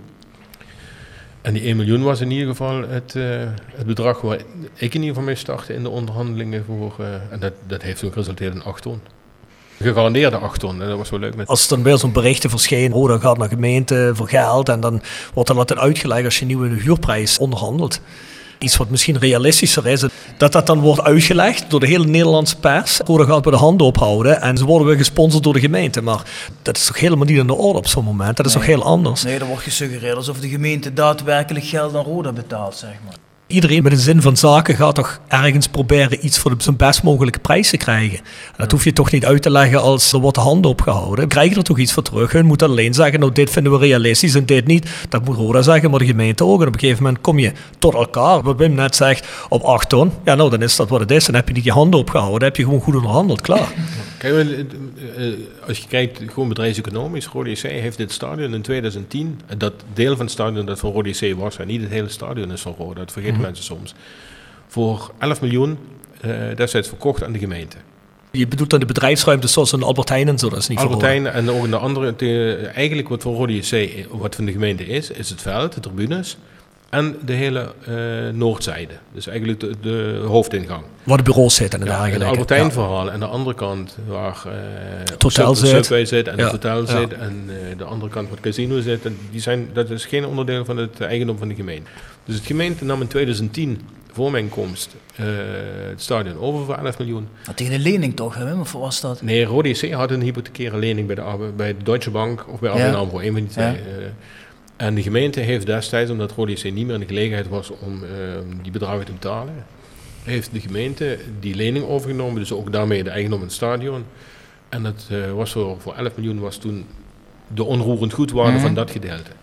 Nou, als je, eh, toen zat er nog een, hele specifieke, en voor de kenners op kerstavond is dat hartstikke leuk, een derivatenprobleem. Eh, dat was een, eh, een financieringsconstructie. Ja, heel leuk. En daarvoor, ja, daarvoor, moest, daarvoor moest de gemeente eh, 1,3 miljoen boeterente betalen bij het aflossen van. Dus al met al zou je zeggen, oké, 12 miljoen, 12, 13 miljoen is destijds de overdracht geweest van, van dat onroerend goed. Als je kijkt, bedrijfseconomisch, om te zeggen, een rendement van 6%, en dat is gebruikelijk in de markt, nou 6% van 12, 13 miljoen, dan zit je in de buurt van die 8 ton. En dat is dus gewoon heel normaal. Gespeld tussen te krijgen. Dus dat verhaal kun je ook onderbouwen. Nou, één constructie heeft daarbij eh, ook nog eh, gespeeld. Is dat de gemeente in die periode ook nog een overbruggingsfinanciering heeft verstrekt aan Rode JC voor de komende jaren. Hoe dat politiek gelopen is, weet ik niet. Maar dat was eigenlijk om ervoor te zorgen dat Rode JC de komende jaren de huur kon betalen. Dat, ging dus eigenlijk tot 2014, 2013, 2014. Dat Rode JC eigenlijk nog een, een overbruggingsfinanciering kreeg. Dat bedrag van die overbruggingsfinanciering heeft de gemeente bij de waarde van het onroerend goed geplakt. En dat maakt het onroerend goed op dit moment bijna onverkoopbaar. Want daarmee haal je je rendement niet als, als mogelijke belegger. En dat is jammer eh, dat als de gemeente het nu wil verkopen, ja, dat het voor te veel in de boeken staat. Ja, maar mensen zeggen wel eens, als je het stadion zelf had gehad, hè, we hebben het er ook laatst over gehad, heb je al hier, dan had je daar veel meer uit kunnen halen nu. Wat zeg je erop als financiële man? Was het een goed idee om dat stadion inderdaad te verkopen? Of had je gezegd, nou, liever houden, want daar kunnen we op den duur meer mee? Ehm, als ik nu eh, zou zitten. En de, kijk, het was toen helemaal geen vraag, kunnen we het houden. Uh, destijds had Rodi Silbert blijkbaar ook al in de financiële problemen. Ik in de tijd zei dat het een must was om die deal te sluiten. Uh, een van de zaken die natuurlijk gespeeld heeft van hoe zou ik nu het liefste benaderen? Ik zou nu het liefste, als ik het voor het zeggen had, met de hele club verhuizen naar Kaleide. In totaliteit. En tegen de gemeente zeggen wij huren 20 keer per jaar op zondag, zaterdag of vrijdag dit stadion.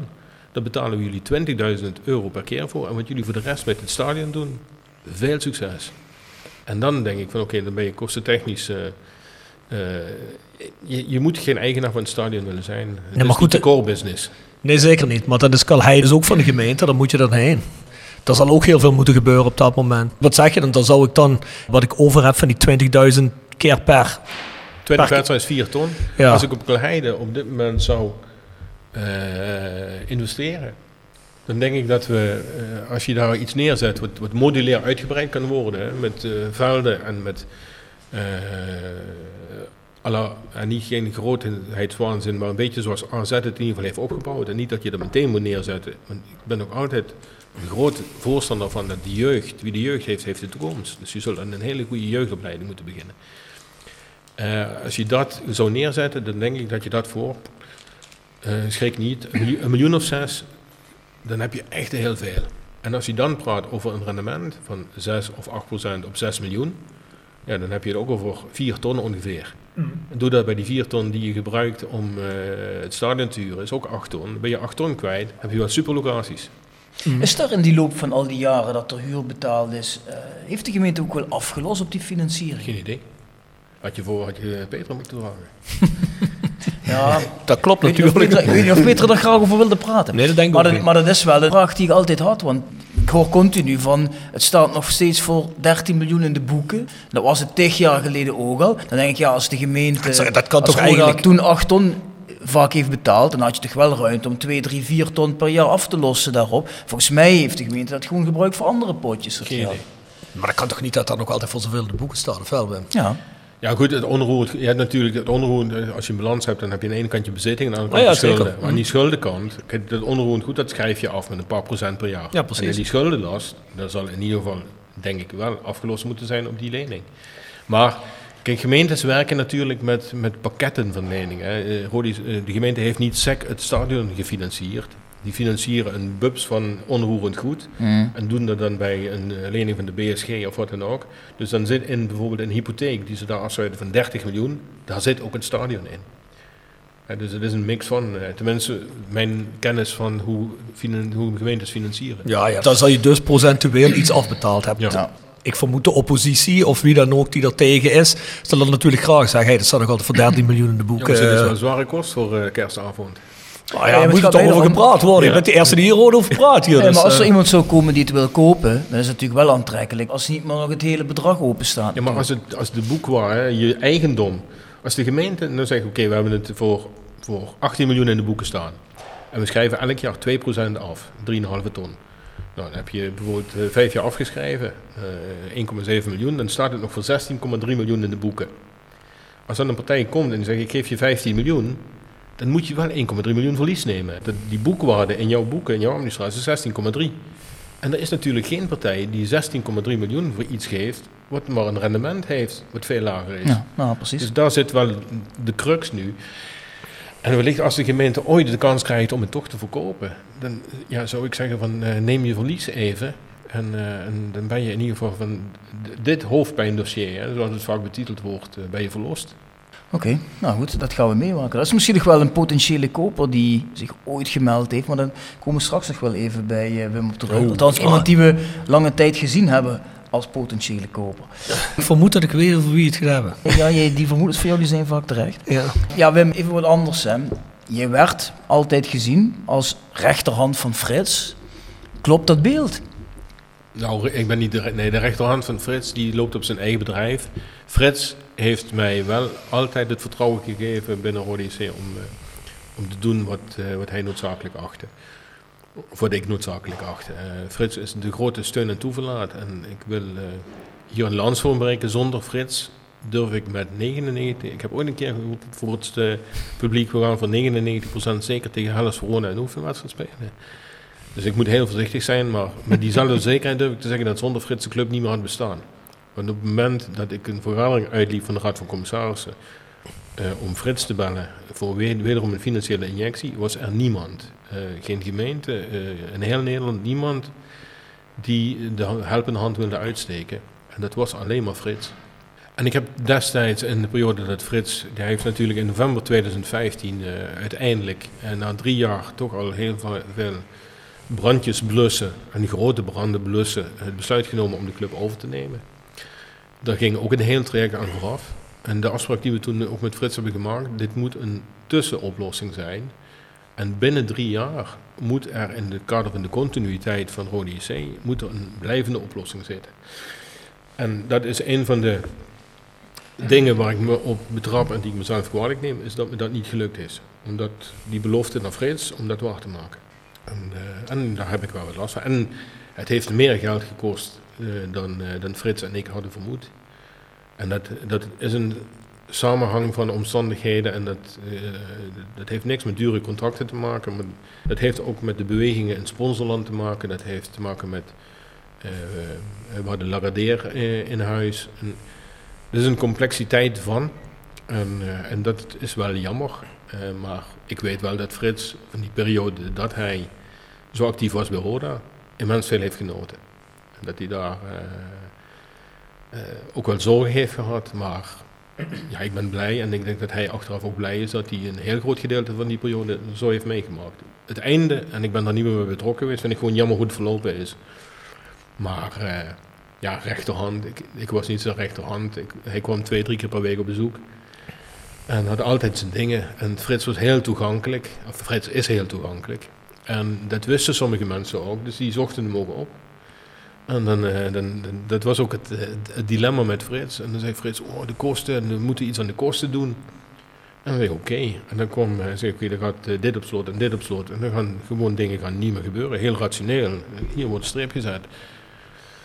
En dan kwam eh, onze videoanalist, die kwam dan bij me binnen en zei van, hé, hey, mijn, eh, mijn Apple computer die doet het niet, dus maar zo goed, die is wat langzaam. Dus ik heb met de technische staf wel wat problemen om die te voorzien van goede beelden. Zeg van, sorry, er is niks, we hebben niks, we kunnen niks. En dan kwam, eh, drie uur later kwam Frits op bezoek. En dan kwam hij bij mij de kamer binnen en zegt ja, ik heb net even gesproken met...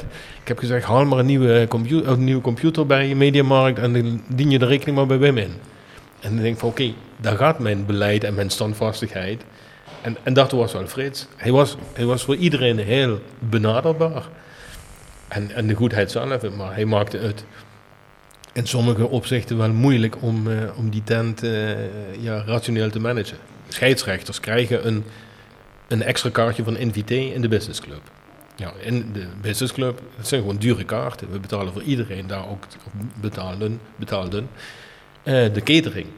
Dus dan ging van elk kaartje ging er ook 70, 80 euro ging extra, waren we gewoon kwijt aan kosten. Als het niet meer is, dus met drank erbij.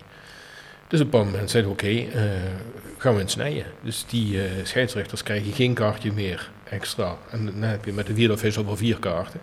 Niet meer voor de businessclub, maar voor de vrienden. En dan hebben we die catering niet.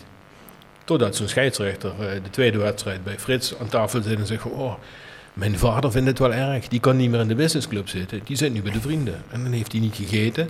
En toen kwam Frits bij hem en zei: hey, die scheidsrechters die moeten we wel te vriend houden. Zorg dat die jongens elkaar voor de businessclub kregen. En dat soort voorbeelden, dat was wel kenmerkend voor Frits. En hoe is je relatie met Frits nu? Nou, ik heb Frits, eh, ik had hem eh, vanaf juni eh, 2018. want Toen heeft hij een, ja, toch een vervelend ziekteproces gezeten. Toen ben ik twee keer bij hem geweest voordat ik gestopt ben bij Rode JC. Daarna heel lang geen contact meer gehad. En een aantal maanden geleden, ik liep in een, in een winkel in Maastricht. En op dat moment ging de telefoon en het was Lian, de vrouw van Frits. En toen dacht ik van nou, als die belt, dan is er iets, uh, dan, uh, ja, dan is er iets aan de hand. Dus ik neem op. En toen zat Frits nog met iets uit het rode verhaal. En zegt hij, ja, zegt Lian, ik geef je Frits nu. En, uh, en ik hoor Lian, ik hoor Frits in het overgeven van de telefoon zeggen, ja, maar ik ben niet kwaad op Wim. dat was het de, de eerste. En Frits, en als er nooit iets gebeurd was, en of we elkaar vorige week nog gesproken hadden, ja, zegt hij, dit en dit, weet je dat nog, hoe is dat? En ik zeg, Frits, zo en zo zat het. En, maar ik zeg, kijk nog even voor je na thuis. Maar volgens mij is dit het antwoord op je vraag. Oh, oké, dankjewel. En ja, goed, daar is het wel bij gebleven. Dus we hebben, ja, jammer genoeg, ja, is het nog niet gelukt, er nog niet van gekomen om weer eens of een kop koffie of een glas bier te drinken. Het was mijn indruk altijd, tenminste hoe had ik dat begrepen, dat jij de accountant van Frits al van tevoren was geweest al die jaren. Nee. Dat jullie zo een zakelijke relatie hadden. Nee, ik ben... Ik heb uh, tot 1998 gewerkt bij de Belastingdienst. En ik ben in, het zijn 94, 95 denk ik, bij, uh, bij Frits op het bedrijf gekomen. Want dan, vanuit mijn controlewerkzaamheden bij de Belastingdienst. Zo heb ik hem leren kennen. En daarna ook 20 jaar uit de oog verloren. Maar op het moment dat ik dus bij Rode JC in ieder geval in een functie terecht kwam, toen zei je, hey Frits. En ja, zo zijn we in de praat gekomen. En ja, eigenlijk in de, in de zomermaanden van 2012, het eerste bezoek met Marcel van de Bunder. En die kende Frits helemaal niet. En uh, zo hebben wij elkaar weer, uh, weer gevonden. Oké. Okay. Ja. Over Frits Schroef gepraat is natuurlijk altijd weer een discussie. Zeker onder fans. Frits Schroef, tweeledig. Ja. heeft natuurlijk club gered, ontzettend veel geld ja. erin gestoken. En van de andere kant, als je het dan puur bekijkt wat er allemaal in die periode gebeurde is en hoeveel geld er eigenlijk inziens van veel mensen onnodig uit is gegaan van zijn kant. Ja, wat hebben we in totaal? 18, 20 miljoen wat hij in die club heeft gestoken, denk ik. En zoiets moet het mm. geweest zijn. Er vaak gezegd wordt, ja, Frits Schroef was een zegen voor de club. Maar naderhand eigenlijk ook verdekt een vloek. Want er zijn dingen gebeurd onder Frits Schroef toen hij eigenaar was. Zoals?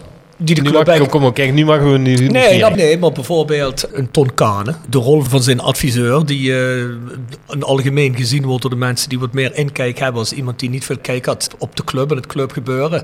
Maar Frits scheen het naar buiten toe heel veel vertrouwen in te hebben dat er toch hele rare beslissingen zijn genomen die tijdens Bjorn er ook maar eens op inhaken.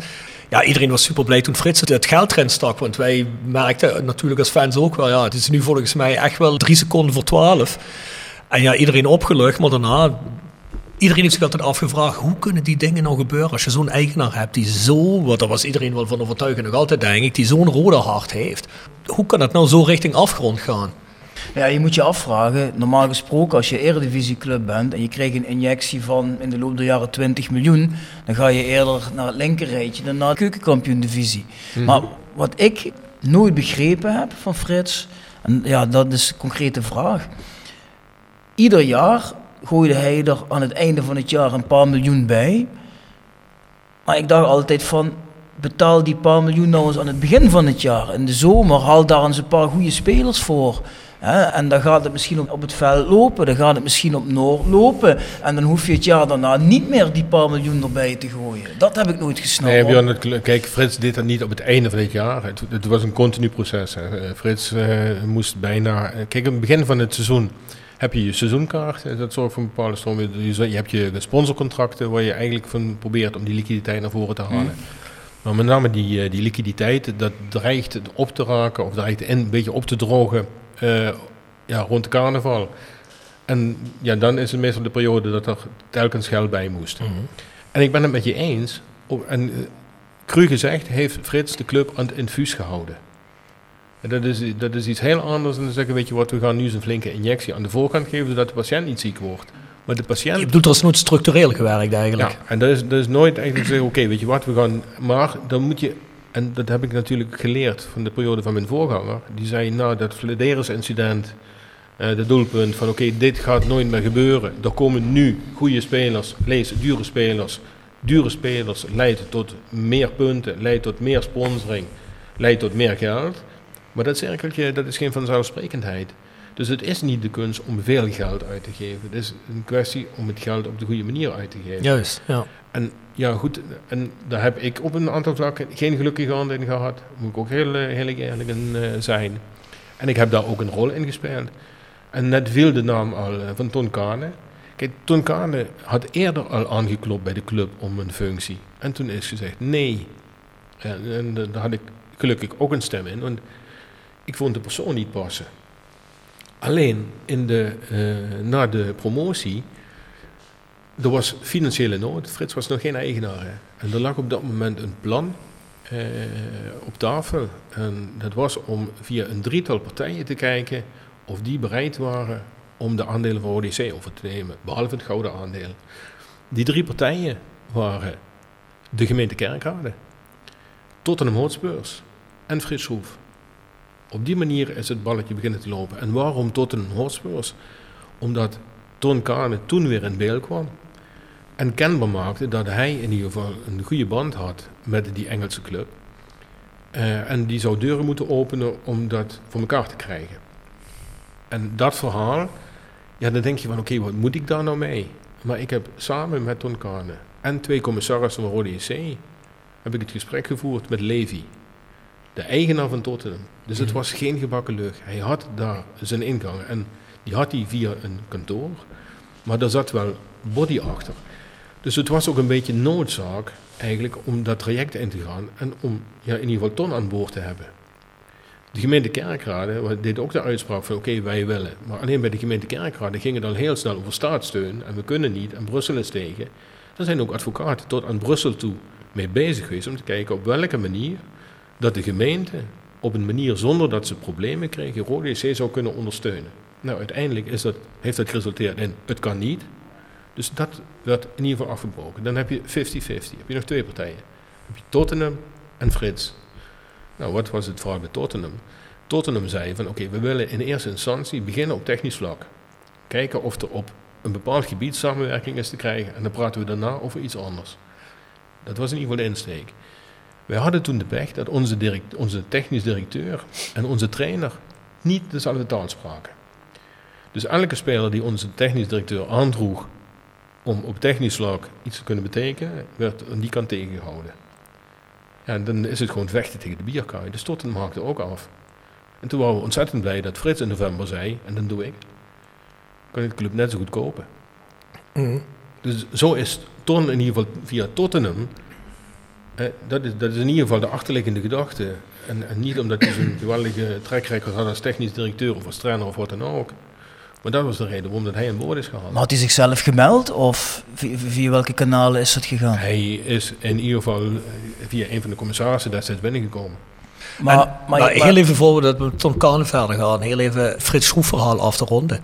Frits Schroef, in hoeverre, behalve zijn gigantische liefde voor de club, maar in hoeverre heeft hij nou eigenlijk, moet ik misschien anders stellen de vraag, heeft hij altijd zelf meebeslist of vind jij dat hij zich misschien toch op bepaalde momenten fout heeft laten adviseren of was dat puur Frits zelf die zei van nee, ik, ik zie dat niet zo. Of was het, want ik denk dat naar buiten toe het heel vaak overkomt alsof... Ja, om het concreet te maken, jij noemde het net ook, maar ik zit in een platform, maar wij hadden vaker het idee dat Frits wat adviseurs om zich heen hadden die hem adviezen gaven die in ieder geval niet in het belang van Roda waren.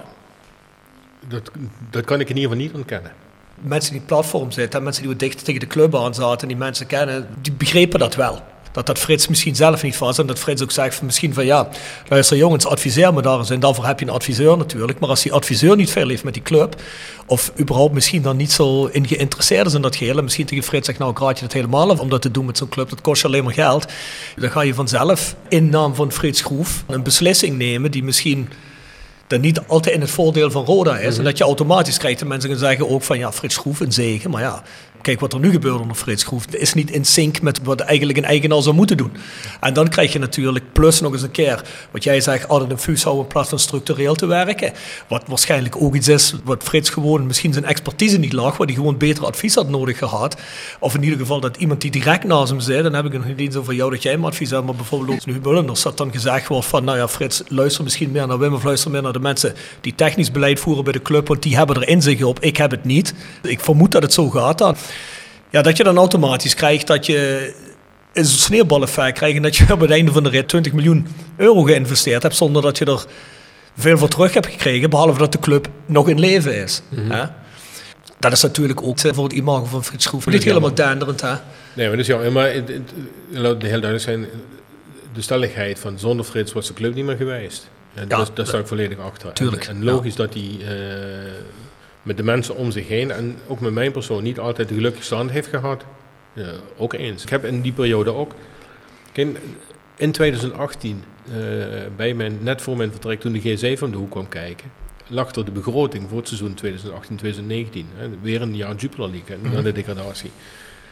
En ik had een begroting gemaakt en die was gebaseerd op de ervaringscijfers uit het jaar 2014-15.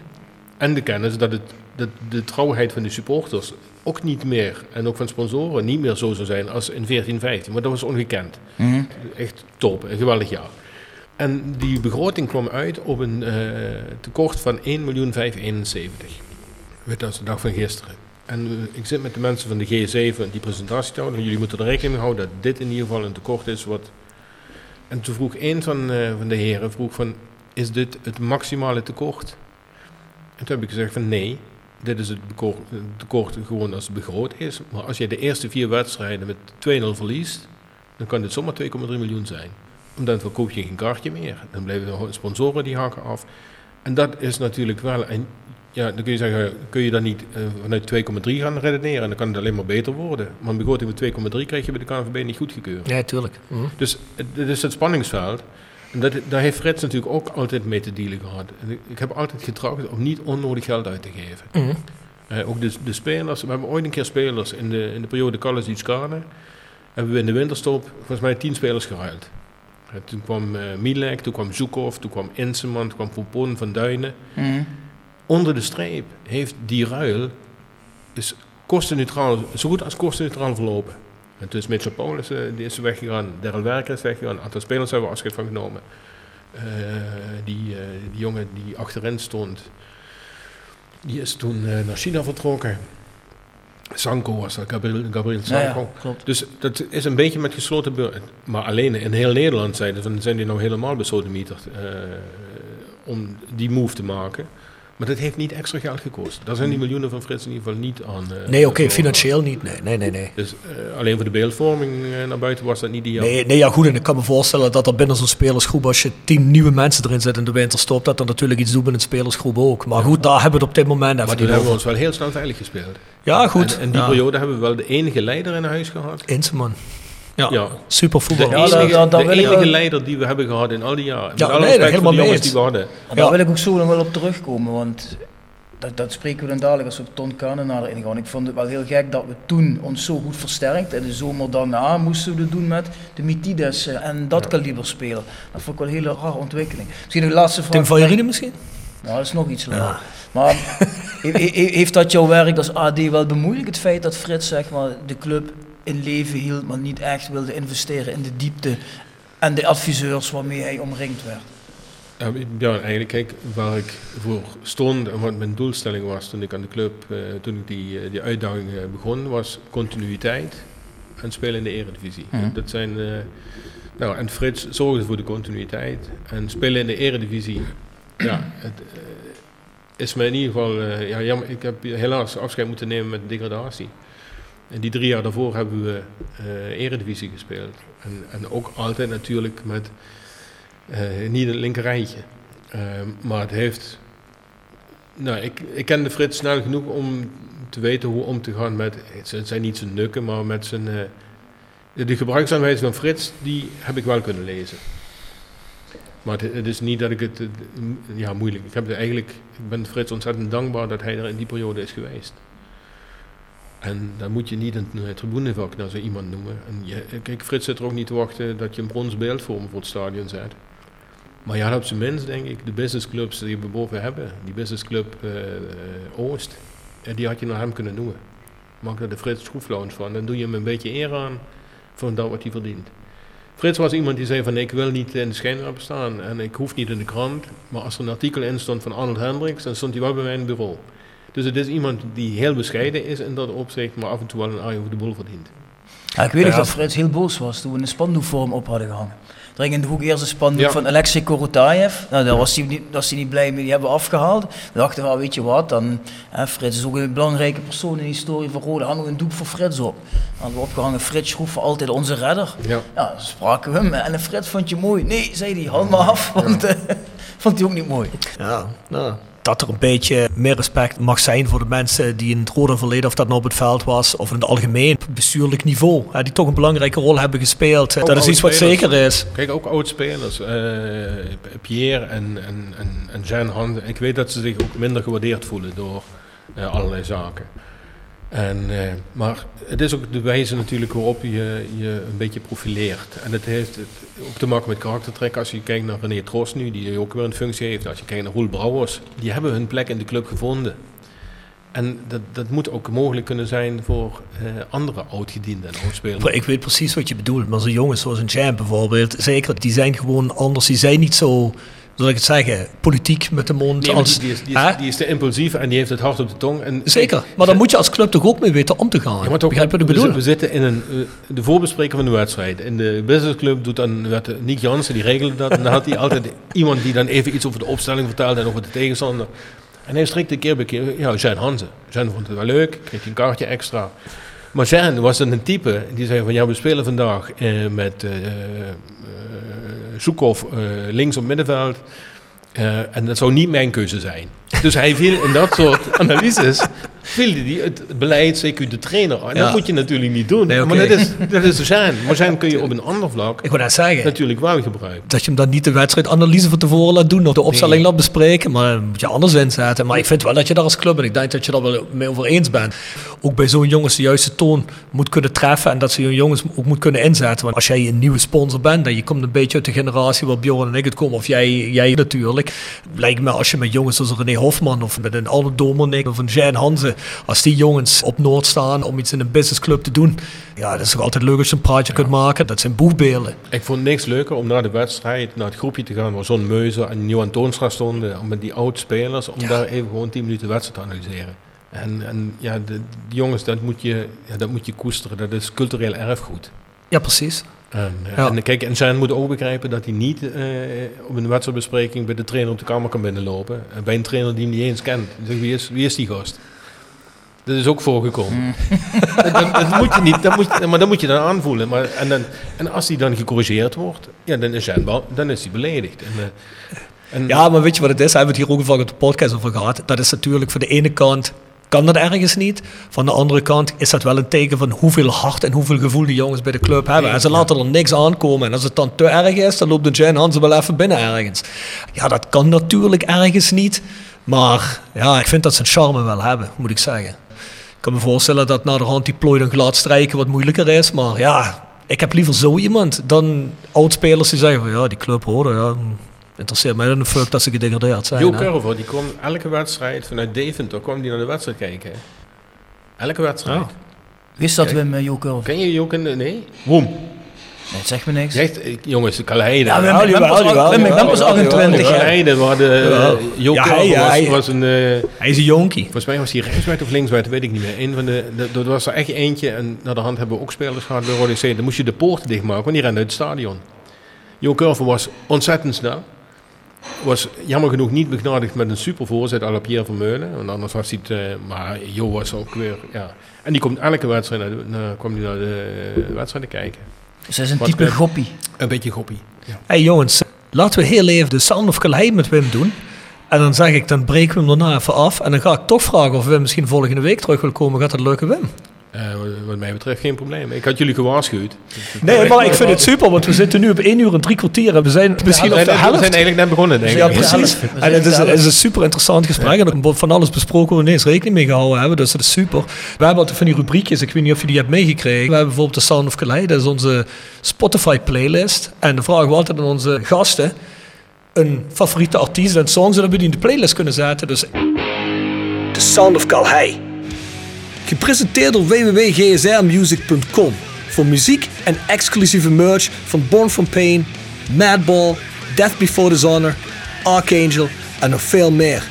Ga naar www.gsrmusic.com En iPhone Reparatie Limburg voor professionele reparatie van Apple, Samsung en Huawei telefoons. Wouderpad 7 te Beek. Ook worden we gesteund door Willeweber Keukens. Wil jij graag kwaliteitskeukendesign dat ook bij jouw beurs past? Ga dan naar Willeweber Keukens in de Boebegraaf 1 te Schinveld. Je luistert toch ook wel naar muziek of niet? Ik moet je zeggen, als ik naar Wim kijk, dan lijkt Wim het type die dan s'avonds in zo'n sofa gaat liggen met een whiskietje en dan zet hij klassieke muziek op. Nee, dat geloof ik Dus, niet. dus, dus helemaal fout. dat, geloof, dat geloof ik ook En niet. Geen, vind- en geen whisky. Eh, ja, mijn lievelingsdrankje is een grappa. Eh, Ja. Gewoon het Italiaanse, dus is eh, absoluut geen whisky. Ah, Andrea Bocelli dan. Eh, ook geen klassieke muziek. Ehm, nou, als je, logisch heb ik geluisterd. En da- daarom was ik ook wel benieuwd wat jullie beeld was. Bob Marley. Ik ben, in, en, en ook zoals Peter zei, ik ben ook in de periode van de, de Bruce Springsteen en Police. eh, Crosby, Stills, Nash Young, eh, Bob Dylan, dat, dat soort fenomenen. Maar Bob Marley met Three Little Birds is wel een, een liedje waar ik eh, ook in de auto eh, heel erg vrolijk van kan worden. Dus als die Europa Cup wedstrijden van Ajax worden uitgezonden, ze komen er net in voordat de aftrapper is, zing jij luidkeels mee. Nou, dat niet. Oké. Eh, het, mijn hart klopt nog altijd heel zwaar. Ik wou net zeggen, dat was een trucvraag. Wim, heb je goed, eh als zo goed absolveerd. Dan zat Nee. ik er wel heel erg naast, moet ik zeggen. Ja, Bob Marley had ik had niet ik niet gedacht, gedacht. maar ik wil eigenlijk eens in de richting Bruce Springsteen gaan zeggen nog. Maar Bob Marley had ik ook niet gedacht, Ja. maar goede smaak. Vind ik goeie. Hey mensen, dat is hem voor deze week. De volgende week zijn we terug met Wim Collard, deel 2. Super dat je twee jaar van de tijd neemt voor ons, Wim. Graag. Ik vond het Kijk superleuk. er uit. Heel even de sponsors. Jegers Advocaten, Nextdoor, Kapsalon, Nagel en Beauty Salon. Hotelrestaurant de Vellerhof, Herberg de Bernardershoeve. Noordwand, www.gsrmusic.com. Stokgrondverzet, Rapi Autodemontage. Van Ooyen Glashandel, Quick Consulting. iPhone Reparatie Limburg, Willeweber Keukens. Weers Personeelsdiensten. Fendo Merchandising, Sky Art Picks. Nederlands Mijnmuseum, En Roda Arctic Front. Roda Fans uit. Scandinavië. Stuur je mails naar thevoiceofcalais@south16.com. Tot volgende keer. Tot ziens.